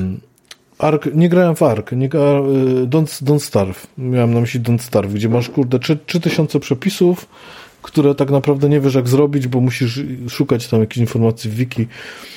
No więc to trochę, trochę rozmija się sens, nie? Żeby, żeby, żeby to jakoś przyjemnie się grało, a w Valheimie tego nie ma. Tam większość rzeczy jest naprawdę bardzo fajnie zrobiona. Jasne, warto tam zerknąć na jakąś wiki pewnie czasami, ale dużo rzeczy jest intuicyjnych. Dużo rzeczy się po prostu pojawia mm, w momencie, kiedy coś odkryjesz. Więc na początku masz jakieś tam zwykłe lasy, budujesz sobie tą chatkę, no ale za chwilę powiedzmy masz, idziesz troszkę dalej, tam są już trosz, troszkę silniejsi przeciwnicy, w związku z czym no już nie wypada bić w nich patykiem, no trzeba by zrobić przynajmniej jakąś dzidę, a żeby zrobić dzidę to już trzeba mieć powiedzmy tam, nie wiem, teraz uproszczę, bo to tam, ale powiedzmy, że chcesz mieć metalową dzidę, bo te przeciwnicy są jeszcze trochę potężniejsi. No i nagle się okazuje, że co jest bardzo ciekawym mechanizmem w tej grze, Otóż możesz tworzyć portale, możesz sobie swobodnie, bez, bezkosztowo przechodzić, chcesz pod jednym warunkiem, że nie przynosisz yy, sztabek żelaza ani rudy jakiś tam żelaza i innych metali. To jest świetny zabieg. Dlatego, że to powoduje, że ty musisz eksplorować. Nie możesz sobie na przykład mieć jednej bazy i w tej bazie na przykład masz wszystko, w związku z czym do innych masz tylko tam teleporty, nie? I idziesz sobie tam, naruchasz sobie tam tego żelaza i wracasz. Nie musisz eksplorować, musisz iść dalej, musisz czasami przepłynąć jako jakieś jezioro, jakieś morze, musisz przewędrować tam jakiś kawał, tam musisz też postawić pewną część budowli i tam na przykład stawiasz kuźnię i w tej kuźni sobie coś wytwarzasz. Więc to powoduje, że ty musisz eksplorować. Nie da się nie eksplorować praktycznie. Aha, czyli to, to wygląda tak, że de facto budujesz przyczółki, które nie są ze sobą połączone, ale musisz się przenieść do danego przyczółku, żeby zrobić coś konkretnego, tak? One są zasadzie. ze sobą połączone portalami, nie? Tam na przykład... Znaczy tak, ale że nie są połączone tak. powiedzmy jakimiś tam liniami zaopatrzenia, tak? Nie, Tylko, nie, tak. że musisz iść w konkretne miejsce, jak już tam sobie postawiłeś przyczółek i tam masz kuźnię, tak. to musisz tam iść i tam naruchać żelaza, żeby sobie zrobić mhm. miecz na przykład, mhm. tak? Oczywiście żelazo okay. możesz przewozić, bo możesz na przykład sobie taki wózek zrobić i tam drałować, nie? Takie były kursy, nie? Na przykład, jako że ja Y, trochę się, ja nie jestem graczem, który lubi jakoś tam bardzo budować lub coś takiego, bo to szybko mi się nudzi, ja tam lubię coś zrobić, konkretną jakąś akcję, nie wiem, lochy, pójść do lochów na przygodę, nie? No ale czasami trzeba pomóc, no to ja potem robiłem za takiego, nie? Co tam z wózkiem łazi, nie? Troszkę to od bazy do bazy, nie? Albo możesz sobie załadować, powiedzmy, to na statek i gdzieś tam przewieźć, nie? I wtedy mhm. się robi tak, że nie wiem, tam robisz sobie port, a wiesz, że po drugiej stronie powiedzmy jakiegoś tam jeziora większego, czy tam jakiegoś, jakiegoś zalewu jest jakiś powiedzmy mroczny las i w tym lesie są e, lochy, a w lochach łatwo znaleźć rudy żelaza, więc idziesz do tych lochów, ale co ciekawe, żeby wejść do lochu musisz mieć klucz, a żeby mieć klucz musisz pokonać pierwszego bossa. To wszystko jest bardzo spójne ze sobą, w związku z czym ta gra fajnie ci, takie kolejne są jakby takie kamienie milowe, które ty przechodzisz, żeby mieć lepsze rzeczy, nie? Idziesz w góry, okej, okay, no to idziesz w góry, ale tu wiesz, musiałbyś mieć na przykład tam, musiałbyś mieć jakąś albo potkę na to, żeby nie, nie zamarznąć, albo na przykład palto z dzika, czy nie z dzika, tylko z wilka jakieś tam, żeby właśnie nie zamarzać, nie? W związku z tym musisz tam jakiegoś wilka zabić, a ten wilk, tak jak jesteś na pierwszym poziomie, tak go po prostu sobie nie zabijesz, on cię raczej zeżere, nie? Ale już tam na którymś poziomie, jak już będziesz miał, to go zabije. Bardzo takie to jest sensowne, to jest bardzo logicznie, logicznie wszystko dobrze przemyślane w tej grze, także na tym poziomie takim e, survivalowym i, i e, to jest bardzo fajnie zrobione. No, eksploracja to jest bajka, bo wyobraźcie sobie tak, w grze kooperacyjnej jeżeli masz tam kilku graczy, fantastyczne jest to, że macie jakieś zadanie. Idziesz sobie, nie wiem, tam wyrąbiecie trochę lasu, yy, pojawia się jakiś troll, no to tego trolla tam próbujecie zabić, powiedzmy, jakieś inne stwory pozabijacie, macie trochę spokoju, wyrąbiecie las, coś tam budujecie, ktoś tam rucha te kamienie, ktoś tam ścieżkę buduje powstaje jakaś wioska pierwsza, albo jakaś taka ma, maleńka chatka gdzieś tam z zagrodą, a potem nagle mija, nie wiem, 15 godzin, nagle macie już wioskę i tam w ogóle hodujecie już świniaki jakieś i tak dalej, nie? Mija jeszcze kolejne 13 godzin, macie już, nie wiem, trzy wioski i jeszcze jeden jakiś fort gdzieś tam w górach. Świetne to jest, fantastyczne. Bardzo fajne y, do gry w kooperacji, ale też zajebiste do grania solo o ile w kooperacji bardzo fajnie się tworzy, buduje i takie rzeczy robi, to solo nie tylko można budować, ale w solo jest ta eksploracja piękna, bo ty idziesz do jakiejś nowej krainy, ten świat jest generowany losowo, więc nie jest tak, że wszyscy w tym samym świecie gramy, jeżeli gramy solo. Za każdym razem ten świat jest inaczej, in, inaczej ułożony. E, oczywiście są takie schematy, są podobne, ale, ale rozkład jest, jest inny, nie? Za każdym razem, więc idziesz gdzieś na przykład, patrzysz, aha, tam jest w ogóle jakaś kraina, nie wiem, jakieś stwory chodzą, no to tam na razie nie wchodzę, bo dostanę buty. No ale dobra, jak tam pójdę i na przykład udałoby mi się coś tam nazbierać troszeczkę, to by mi bardzo ułatwiło. Spróbuję się tam przekać, znaczy się skradasz gdzieś. Potem masz jakieś lochy, wiesz, wchodzisz sam do tych lochów, to jest taka niewiadoma, co tam napotkasz, czy nie będziesz miał spierdzielać, nie? Wchodzisz do jaskini na przykład, no to jak masz trochę szczęścia, to w tej jaskini będzie coś fajnego, jak masz trochę pecha, no to w tej jaskini będzie troll, który cię potrafi na, na szlaga tam zabić, nie? Jeżeli nie masz odpowiedniego sprzętu. To jest fenomenalne. Budujesz sobie na przykład tratwę, wypływasz gdzieś na, na, inną wyspę, żeby coś sprawdzić. Nagle z, zaczyna się psuć pogoda, jest sztorm jak masz pecha, no to ci się coś wydupcy, nie? Może cię jakiś stwór zaatakować na przykład na wodzie. Ale powiedzmy, że dobijasz do tego brzegu, idziesz gdzieś tam eksplorować, wracasz, patrzysz, a twój, twoja tratwa, czy tam okręt, co tam wybudujesz, jest na przykład e, atakowana przez jakieś draugi, albo jest zniszczona już w ogóle, nie? Jest po prostu, jest to jest naprawdę taka przygoda. To, to, to jest takie, takie bardzo fajne eksplorowanie tego świata, poznawanie go. E, takie trochę, wiecie, i ty jesteś sam w tym świecie. To też jest takie trochę. To jest takie poczucie wyobcowania, takiego, takiego wyalienowania. Ty jesteś sam, musisz sobie poradzić. Nikt ci nie pomoże. Jak cię coś zaatakuje, musisz spierdzielać. E, nie wiesz, co będzie za rogiem, nie wiesz, co będzie za tą górą. Super to jest, naprawdę. -hmm. No, ale właśnie to jest super. coś takiego, co mówisz właśnie co jest przeciwieństwem tego, co mi zazwyczaj przeszkadzało w takich grach survivalowych, bo na przykład mnie koleż, koleżkowie próbowali wciągnąć właśnie w Survival Evolved, w tego arka całego mhm. i i właśnie tak jak mówisz, to jest wszystko w Valheimie dość naturalne, dość organiczne, a nie mechaniczne, bo ja w tych innych survivalach ja czułem po prostu, że ja wykonuję pewne mechaniki gry, które muszę wykonać, bo inaczej będę w dupie, a, a to, o czym tutaj mówisz, to się właśnie wydaje takie organiczne, takie naturalne, że to jest inteligentnie właśnie zaprojektowana eksploracja. Tak, tak, tak, tak. To rzeczywiście jest takie, to jest taki survival dla każdego. To nie jest jakiś hardkorowy survival, gdzie ty musisz tam, no, nie wiem, nagrindować tam 5000 drzewa, żeby wbudować sobie chałupkę. Tutaj robisz proste rzeczy stosunkowo szybko, w związku z czym, jeżeli nie chcesz jakoś tam bardzo budować, bo cię to aż tak nie jara, nie? Chcesz tam tylko zrobić chałupę na przykład, żeby i zrobić sobie tam te, te najważniejsze jakieś warsztatowe rzeczy, to zrobisz to dość szybko, ale jednocześnie gra umożliwia budowanie fenomenalnych w ogóle konstrukcji. No, budowanie jest proste, przyjemne. No, chyba najprzyjemniejsze z wszystkich gier. Grałem w troszeczkę. Chyba najwięcej, jeżeli takie tytuły konkurencyjne by tutaj wymienić, to chyba najwięcej w Conan Exiles, gdzie też to budowanie nie było złe. Było trochę więcej grindu. No tutaj tego grindu właśnie na szczęście nie ma. Tutaj szybko stawiasz, idziesz dalej, chcesz coś zobaczyć, nie chcesz zobaczyć, chcesz sobie... Ktoś, kto po prostu wejdzie w tą grę i będzie chciał hodować rzepę, bo jest taka możliwość, to, to sobie będzie hodował rzepę i będzie się świetnie bawił. Y, zrobię sobie w ogóle wioskę, nie wiem, tam jakiś taki ekosystem sobie po, poogarnia, że wszystko będzie miał pod ręką, ule se, kurde, postawi, świnie se będzie hodował, albo jakieś tam są jeszcze takie inne, nie pamiętam. No właśnie, i, i to jest ta prostota, która mnie, której mi zabrakło w Arku, bo tam na przykład jak ja zacząłem w to grać, to postawiłem sobie ognisko, ja kurwa nie wiedziałem, jak mam odpalić ognisko, stary. Mi zajęło 10 minut rozkminienie, jak ja mam zapalić zasarane ognisko, nie? No, to nie, to tutaj I, nie ma takich problemów. I właśnie to, to, mnie odrzuciło, a tak jak mówisz, to właśnie wszystko jest takie dość przystępne.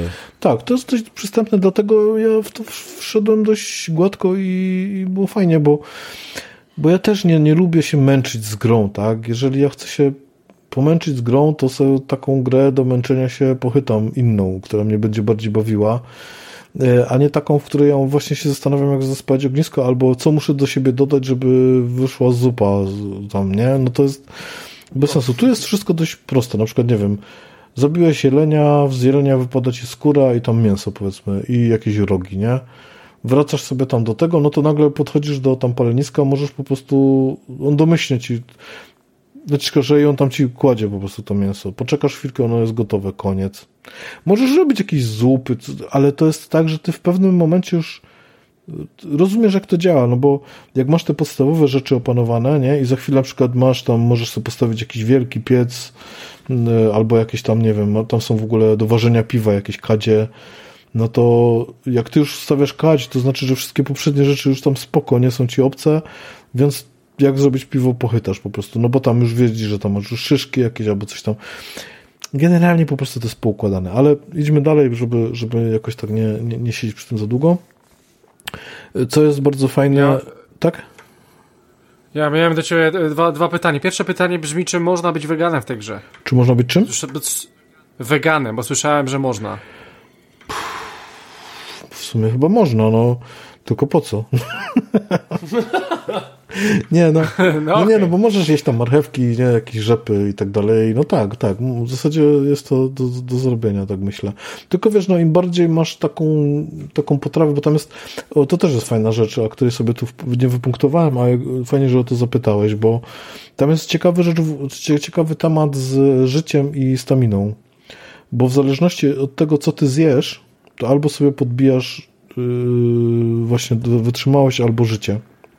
Więc jak idziesz tam na jakiegoś bossa albo na jakąś dłuższą rajzę, no to, no to im wiek, lepsze sobie zrobisz jedzenie, tym lepiej, tak? Bo jak zrobisz sobie tam jakąś pot, potrawkę z sarny i coś takiego, no to to cię bardziej zbustuje niż marchewka, nie? No więc, więc yy, jakby kolejne etapy są właśnie niezbędne po to, że żeby na przykład wtóc bossa, no to nie możesz iść na jednej marchewce, no bo po prostu cię raz strzeli po tobie, nie? Jeszcze, No, no, Okej, w, w, w, końcu, to- w, końcu, w końcu gra o wikingach. A Tak. powiedz mi e, w takim razie, Wojtku, czy tam jest jakaś, e, jakaś opcja związana z fabułą? Tam w ogóle jest, jest jakaś opcja Jest, jest, jest. Ja nawet oglądałem trochę rzeczy.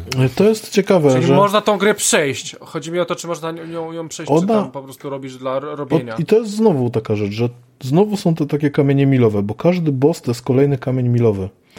Jak sobie zabijesz tam pierwszego bossa, to ci tam z niego na przykład wypadają klucze, żeby iść do tych lochów i w tych lochach masz y, żelazo.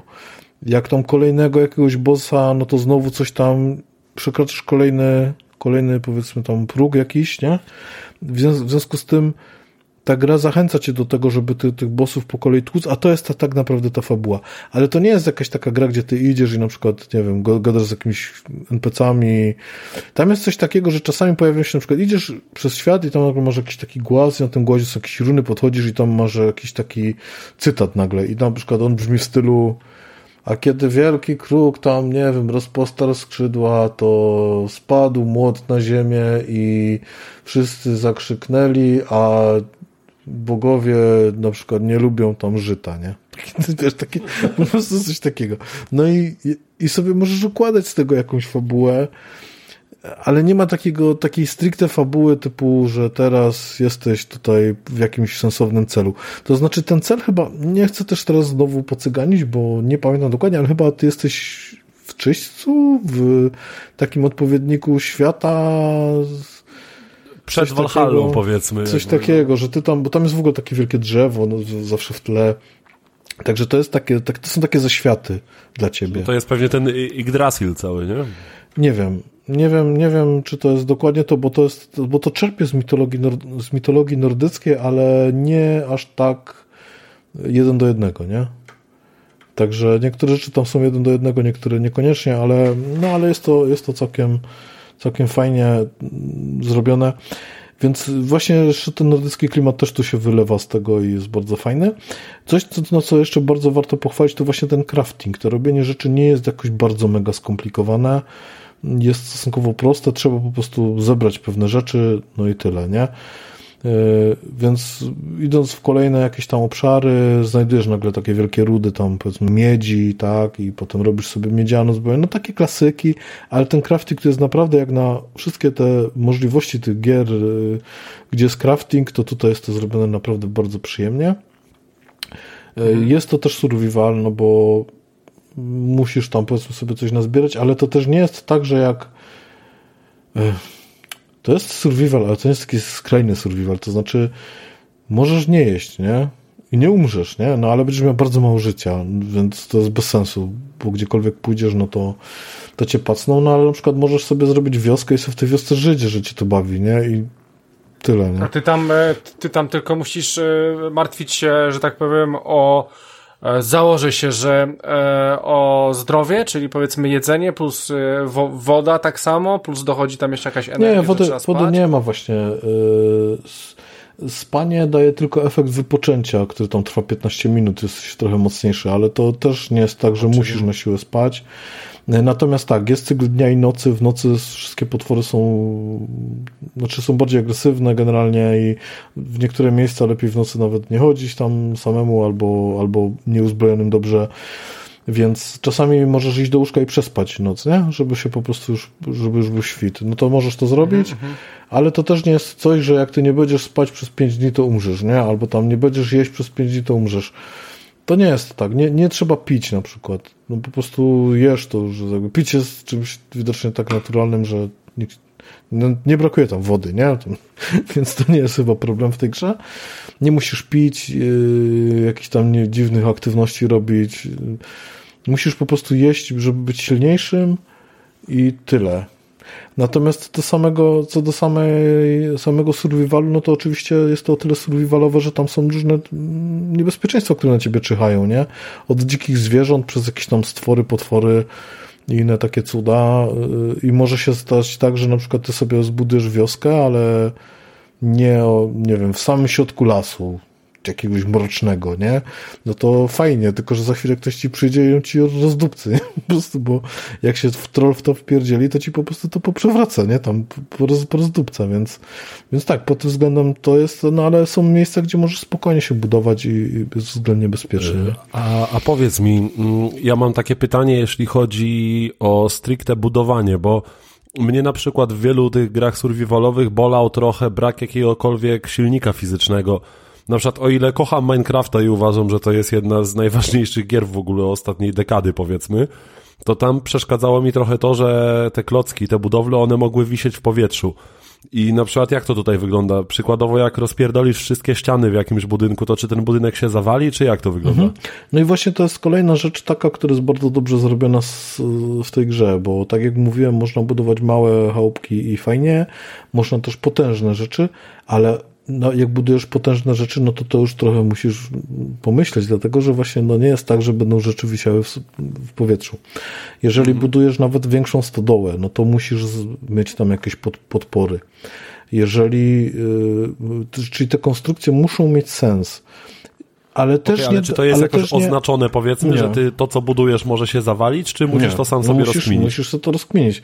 Natomiast okay. to jest też tak zrobione nie do ekstremum. To znaczy nie jest to tak, że teraz musisz, wiesz, tam obliczać y, masę dachu, nie, i tam gęstość podpory, kamienia. Tak, tak, jakieś takie cuda i mieszać beton, nie, w odpowiedzi tylko, tylko po prostu jest to na tyle tak sensownie, że... Wojtek, dorzuć łopatę piachu tam, posażackie. Dokładnie, nie. Tylko to jest tak na tyle zrobione, że widzisz, no mniej więcej będziesz wiedział, kiedy ta konstrukcja się zawali, albo się po prostu zawali za chwilę. Mm jeżeli na przykład stawiasz dach, stawisz dwie kolumny, na nich postawisz dach, to raczej się będą trzymać. Nawet jeżeli to będzie wyglądało tak, że w realnym świecie by się to nie utrzymało, no to tam się utrzyma. Ale jeżeli te kolumny zniszczysz, ten dach spadnie. Okay. Po prostu jest to tak, jest, to jest dość dobrze intuicyjnie zrobione. To znaczy, że nie, nie możesz tak sobie na pałę budować jakichś takich dzikich konstrukcji, bo ci się po prostu zawalą, ale też nie musisz okay. jakoś tak strasznie przesadzać i, i nie wiadomo, jak do tego Spoko. podchodzić. A to z tego, z tego wynika też drugie moje pytanie. Yy, mianowicie, czy na przykład, yy, czy może się na ciebie spierdolić drzewo, które ściąłeś? Może, tak, tak, bo fizyka w tej grze jest bardzo fajna, naprawdę jest fajna. Okay. Możesz ściąć drzewo, ono się na ciebie przewróci. Możesz ściąć drzewo większe i ono przewracając się na przykład zetnie ci za trzy drzewa mniejsze albo zabije jakiegoś trola. Okej. Okay. Przepraszam. Albo coś tam się jeszcze wydarzy. Także tak, może ciebie też przygnieździć cię zabić. Jest też taka opcja. O, o to dobre. To ciekawe jest też kolej. No właśnie rzecz, dlatego że... chciałem zapytać o to, bo w takich survivalach y, takie rzeczy są dla mnie dość ważne, bo to buduje wiarygodność świata i, i to, że musisz być jednak ostrożny. Tak. Nie ścinasz na pałę, nie kopiesz klocków. Tylko musisz uważać na to, co robisz i przemyśleć sobie czasem Zwłaszcza, że to, co planujesz. To są potężne drzewa i one są kiedy mówię potężne, są naprawdę potężne, więc, no. więc to jest tak, że ścięcie takiego drzewa, no to może, może przy, przy jakiejś takiej nieostrożności większej, bo to nie znaczy, że tam zaraz zginiesz. No ale jeżeli będziesz, nie wiem, tam na jakimś stoku będziesz ścinał drzewo i będziesz stał niżej niż to drzewo jest i ono ci spadnie na głowę, albo zaczniesz uciekać, ono się za tobą potoczy, to cię po prostu zabije. Nie? Spoko, fajne. To jest, to rzeczywiście tak jest. I jeszcze jest jedna rzecz ciekawa, bo tych, tych fizycznych tak smaczków tam jest oczywiście więcej, ale tam nie będziemy się teraz wdawać w szczegóły, ale jedna jest ciekawa rzecz, że musisz mieć komin na przykład w pomieszczeniu, bo żeby się wyspać, żeby mieć w ogóle strefę komfortu, musisz e, mieć ogień, musisz mieć ciepło. Przepraszam. Musisz mieć ciepło, a w związku z tym e, też e, musisz sobie rozpalić, no, że jak sobie rozpalisz, to ci się zadymi. Więc jak ci się zadymi, to niestety, ale nie będzie dobrze, więc musisz mieć tak przemyślany system, żeby na dole, jak masz ognisko, to żeby mu zapewnić komin. No, taka ciekawostka. Czyli można, można popełnić klasyczne samobójstwo przez zasadzenie, No, no, za, za, za, zaczadzenie. w sensie. Tak, tak. I to jest, to, jest, to jest taki smaczek, który mi się strasznie nam podoba. Yy, mało tego, rzeczy pozostawione drewniane na zewnątrz, jeżeli nie są zadaszone, mogą zgnić, bo tam będzie po prostu deszcz leciał nie? Wow, ciekawe. i No. ci mogą pognić. Także to, jest- to jest dużo takich smaczków. Yy, więc, więc tak, gra jest, walka jest bez szału jest poprawna, no ale nie musi być lepsza w takiej grze. To nie jest, wiecie, to nie jest slasher, nie? To jest To prostu- nie to jest, jakby, to jest nie? po prostu gra, w której na, naparzasz dzidą, a też jest całkiem dynamiczna, bo tam robisz uniki, masz różne ciosy, masz różne bronie, tak, więc mieczem się inaczej walczy niż włócznią albo halabardą, są łuki, więc to nie jest tak, że to jest jakoś bardzo po macoszemu zrobione, no ale to nie jest God of War, nie? To po prostu jest, to po prostu jest jakiś tam survival i jest to zrobione przyjemnie, fajnie, no ale też nie, nie ma się to jakoś nad, nad czym tam rozwodzić, no jest, jest, jest, jest okej. Czy s- są tutaj zwierzęta takie, które możesz sobie hodować na przykład? Mm, Tak jak mówiłem, możesz sobie hodować tam jakieś chyba dziki. Ech, co tam jeszcze myśmy... Są takie większe zwierzęta, teraz nie pamiętam jak one się nazywają, to wyglądają takie wielkie bawoły. Możesz sobie to, bawoły jakieś tam hodować. Tury. E, Kur chyba nie ma, ale wiecie, Nie, bo to w ogóle ciekawostka, tury, że ta gra nie właśnie, tak jak mówiłem, ona jest w jakiejś tam fazie dopiero i oni tam pododawali na przykład ostatnio jakieś nowe rośliny, które można hodować, więc niewykluczone, że gdzieś tam nagle się pojawi opcja kurnika albo tam, nie, jakiegoś innego Albo hodowania marihunaen na przykład. marihuany, to, to wiadomo.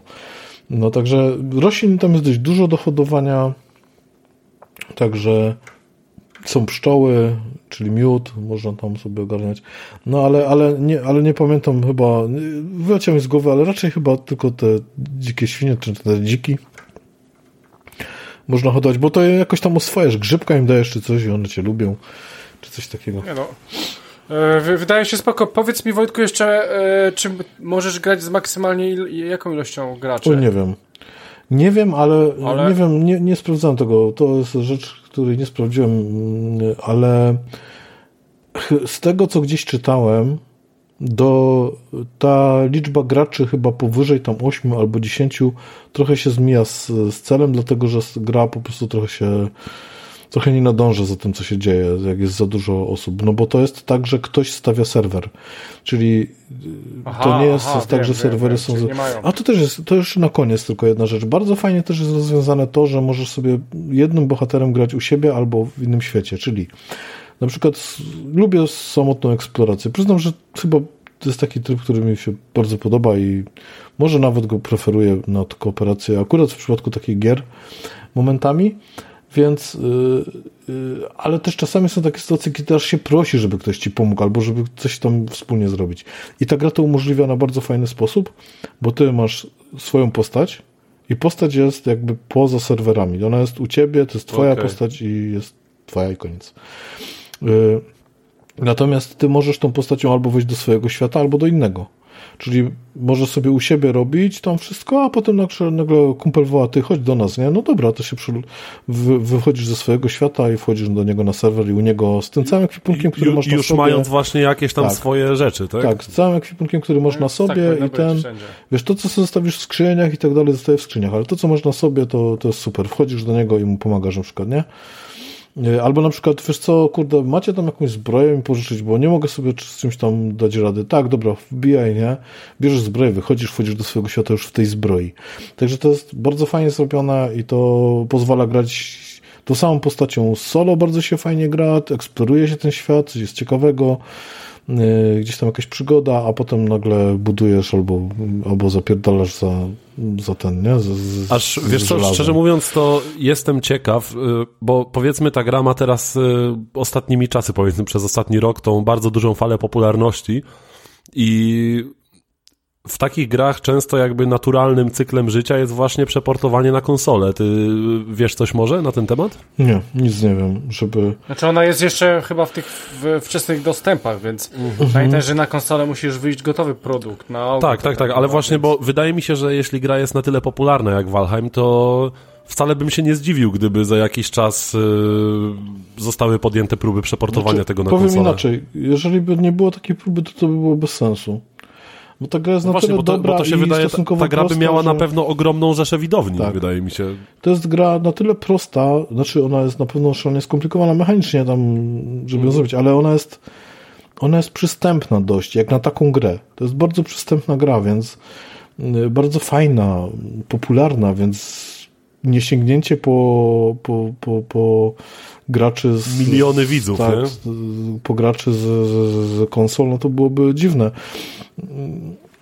No nie, nie, widzę, nie widzę powodu, dla którego nie miałaby kiedyś powstać wersja konsolowa, nie? Tym bardziej, że tym bardziej, że 1 giga, 1 giga pamięci to jest bardzo duża zaleta na konsolach. No, no właśnie. Ale śmieszne, ale śmieszne. Zagramy w 4K przynajmniej w tą grę. O. no, spoko. E, Okej, więc e, e, jeszcze mam takie. E, e, jeszcze jest taki minus, że trzeba długo farmić rzeczy. Czy miałeś problem z długim farmieniem wielu rzeczy?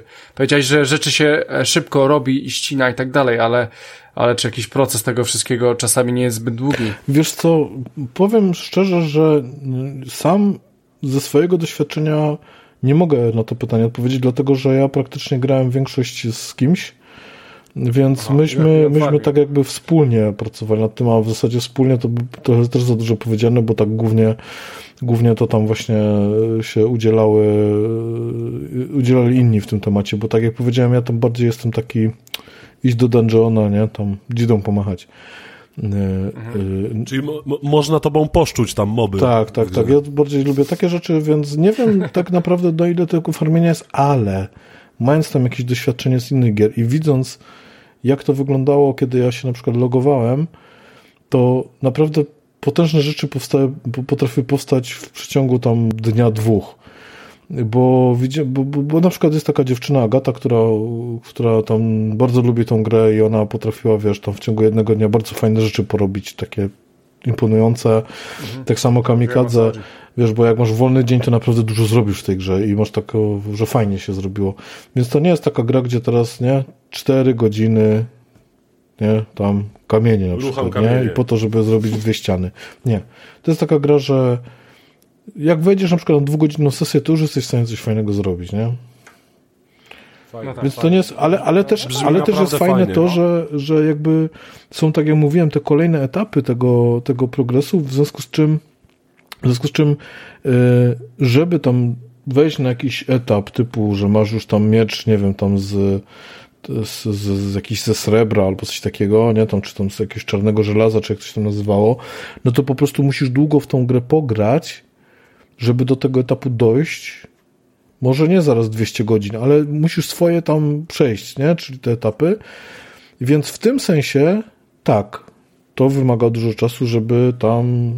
Znaczy, okej, to, to brzmi jakby... Coś Ale- dobrego w grze. Tak, nie? ale, ale, ale, żeby, ale żeby tam zrobić na tym swoim etapie coś, czyli powiedzmy jesteś na etapie jakiegoś żelaza, no to jeżeli wiesz, co masz zrobić, wiesz, gdzie masz iść, wiesz, ile tego potrzebujesz, po prostu to robisz i, i to jest tam czasami jakaś akcja większa, bo na przykład się okazuje, że musisz przepłynąć jakieś tam jezioro i tam są w ogóle te pokłady i tam coś musisz pozbierać, potem wrócić. Tak, no to musisz wybudować statek, nie? I tak dalej.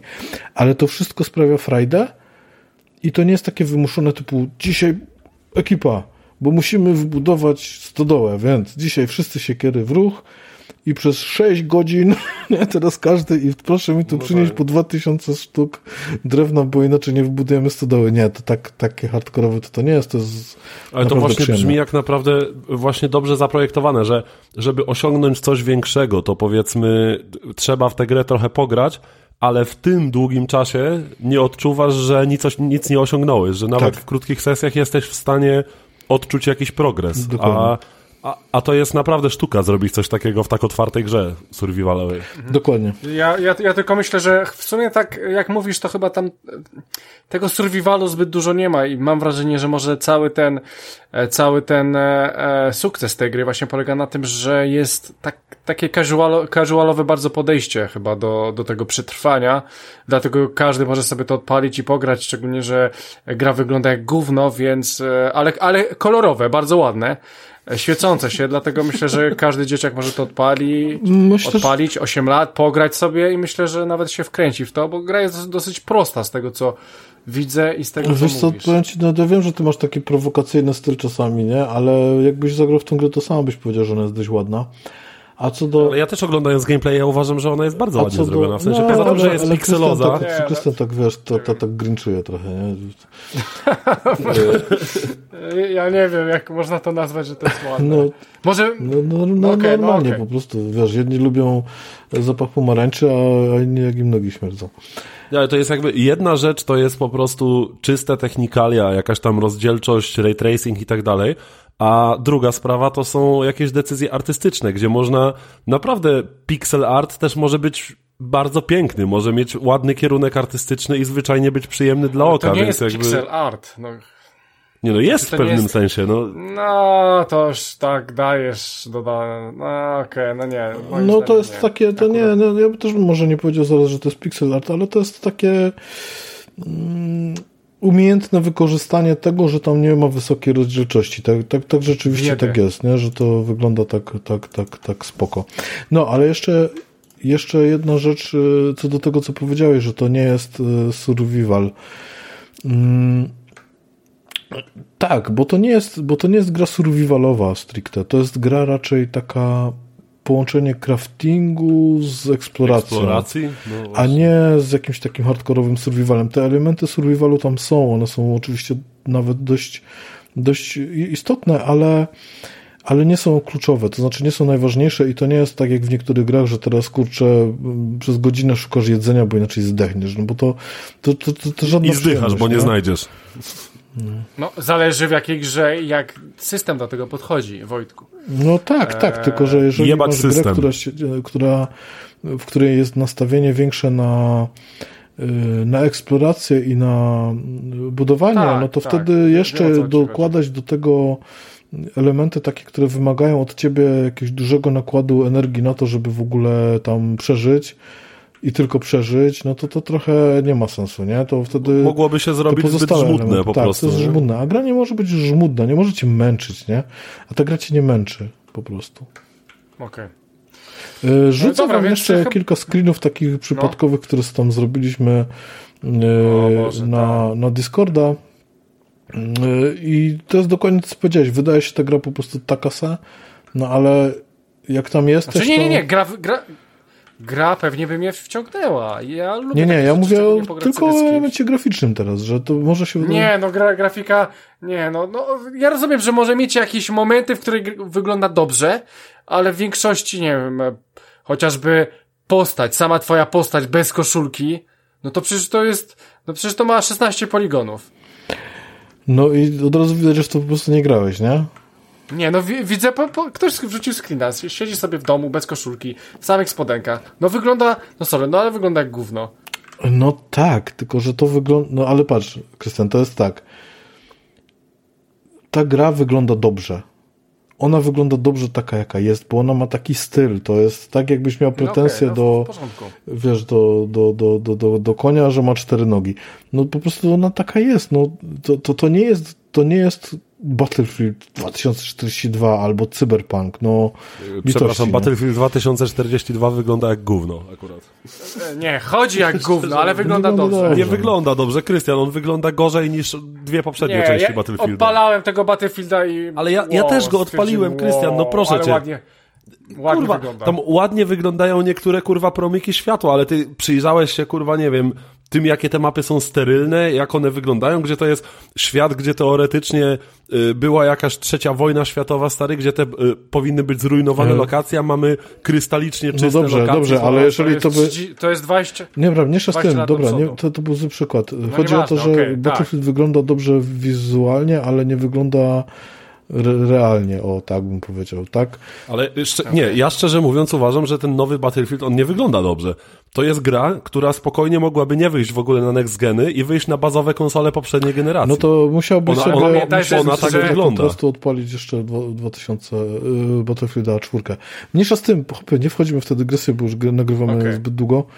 Yy, Chodzi Tak. mi o to tylko, że gra mm, jest spójna. Pod, zarówno pod względem graficznym, jak i gameplayowym jest dobrze zbalansowana. Ktoś bardzo dobrze sobie ją przemyślał. Po prostu ktoś zrobił to z pasji. I to zawsze widać, jak gra jest tworzona z pasją, a mam wrażenie, że dzisiaj przynajmniej o dwóch grach takich mówiliśmy, bo to by było właśnie Valheim i Ready or Not na pewno. Że było serduchownie włożone po prostu. Tak, Więc e, super, to, to, to, czyli, czyli Wojtku możesz powiedzieć, że sukces tej gry jest jak najbardziej uzasadniony. Jak najbardziej uzasadniony i tak naprawdę ja teraz, jako że poświęcam więcej czasu na inne gry, ale obiecałem i sobie i zresztą Ani też, że jak będzie tak albo jakiś większy patch, albo jak wyjdzie ta wersja ostateczna, to, to na pewno chętnie do tego wrócę. Tym, bo, bo jeszcze taka jedna rzecz na koniec, ta gra ma mieć kolejne etapy, więc na razie doszliśmy do jakiegoś tam bossa, a jeszcze coś tam ma być dalej, kolejni pewnie bossowie, kolejne jakieś etapy. Kolejne Nie, kamienie więc, milowe. Więc kolejne jakieś kamienie milowe, kolejne konstrukcje podejrzewam, jakieś kolejni przeciwnicy, etc., etc. Natomiast gdyby tak naprawdę teraz ktoś zrobił jeszcze jednego bossa chyba takiego finałowego i powiedział, dobra, skończyliśmy, to też by było naprawdę spoko. Naprawdę byłoby, byłaby ta gra już fajna. Okej. E, Dobra, słuchajcie, to tyle jeżeli chodzi o Valheim i praktycznie to tyle jeżeli chodzi o dwie, 201, 201, 200 pierwszy. 201, Krystian. Pierwszy odcinek trzeciej Ja setki. wiem, ale chci chciałem. E, tak, e, chciałem jakoś ten. Dobra, słuchajcie, e, jeszcze chciałem na zakończenie powiedzieć o konkursie, który mamy. Słuchajcie, ten, konkurs, ten konkurs jest stale, że tak powiem, realizowany. To Rafał powinien się za to za, z, tym zająć, więc ja go przycisnę i prawdopodobnie pod, w opisie tego odcinka będzie dokładnie napisane, co trzeba zrobić, Ale e, żeby wziąć Rafał, udział. Rafał na razie jest zajęty kobietami z penisami w Tajlandii, więc jakby ma ważne rzeczy Tak, do ale, roboty. ale, ale ja myślę, że trzy zdania napiszę, nie zbawi go to w sumie. Mo, może trzymać coś w ustach i pis, siedzieć na telefonie. Nie ma z tym problemu, myślę. mhm. O! Może spotka, może tam spotka. kogoś. Swoją No drogą Dobra, będę googlował po odcinku, żeby nie było. okej, więc słuchajcie, e, cała instrukcja do odcinka powinna być w opisie tego odcinka. E, do, do naszego konkursu powinna być w opisie tego odcinka. E, I w sumie będziemy kończyć ten 201 odcinek. E, ze mną nagrywał i bardzo dziękuję za to, że do nas wpadł Wojtek Kocjan. Bardzo mi było miło, miło, dzięki i do usłyszenia. E, był z nami Mikołaj Weiser. Tak, tak, po dłuższej przerwie bardzo mi miło było wrócić i pozdrawiam wszystkich. Dzięki. Ja miałem na imię Christian Kender, a my standardowo słyszymy się już za dwa tygodnie. Do, więc do usłyszenia, drodzy słuchacze, trzymajcie się. Hej! Elo!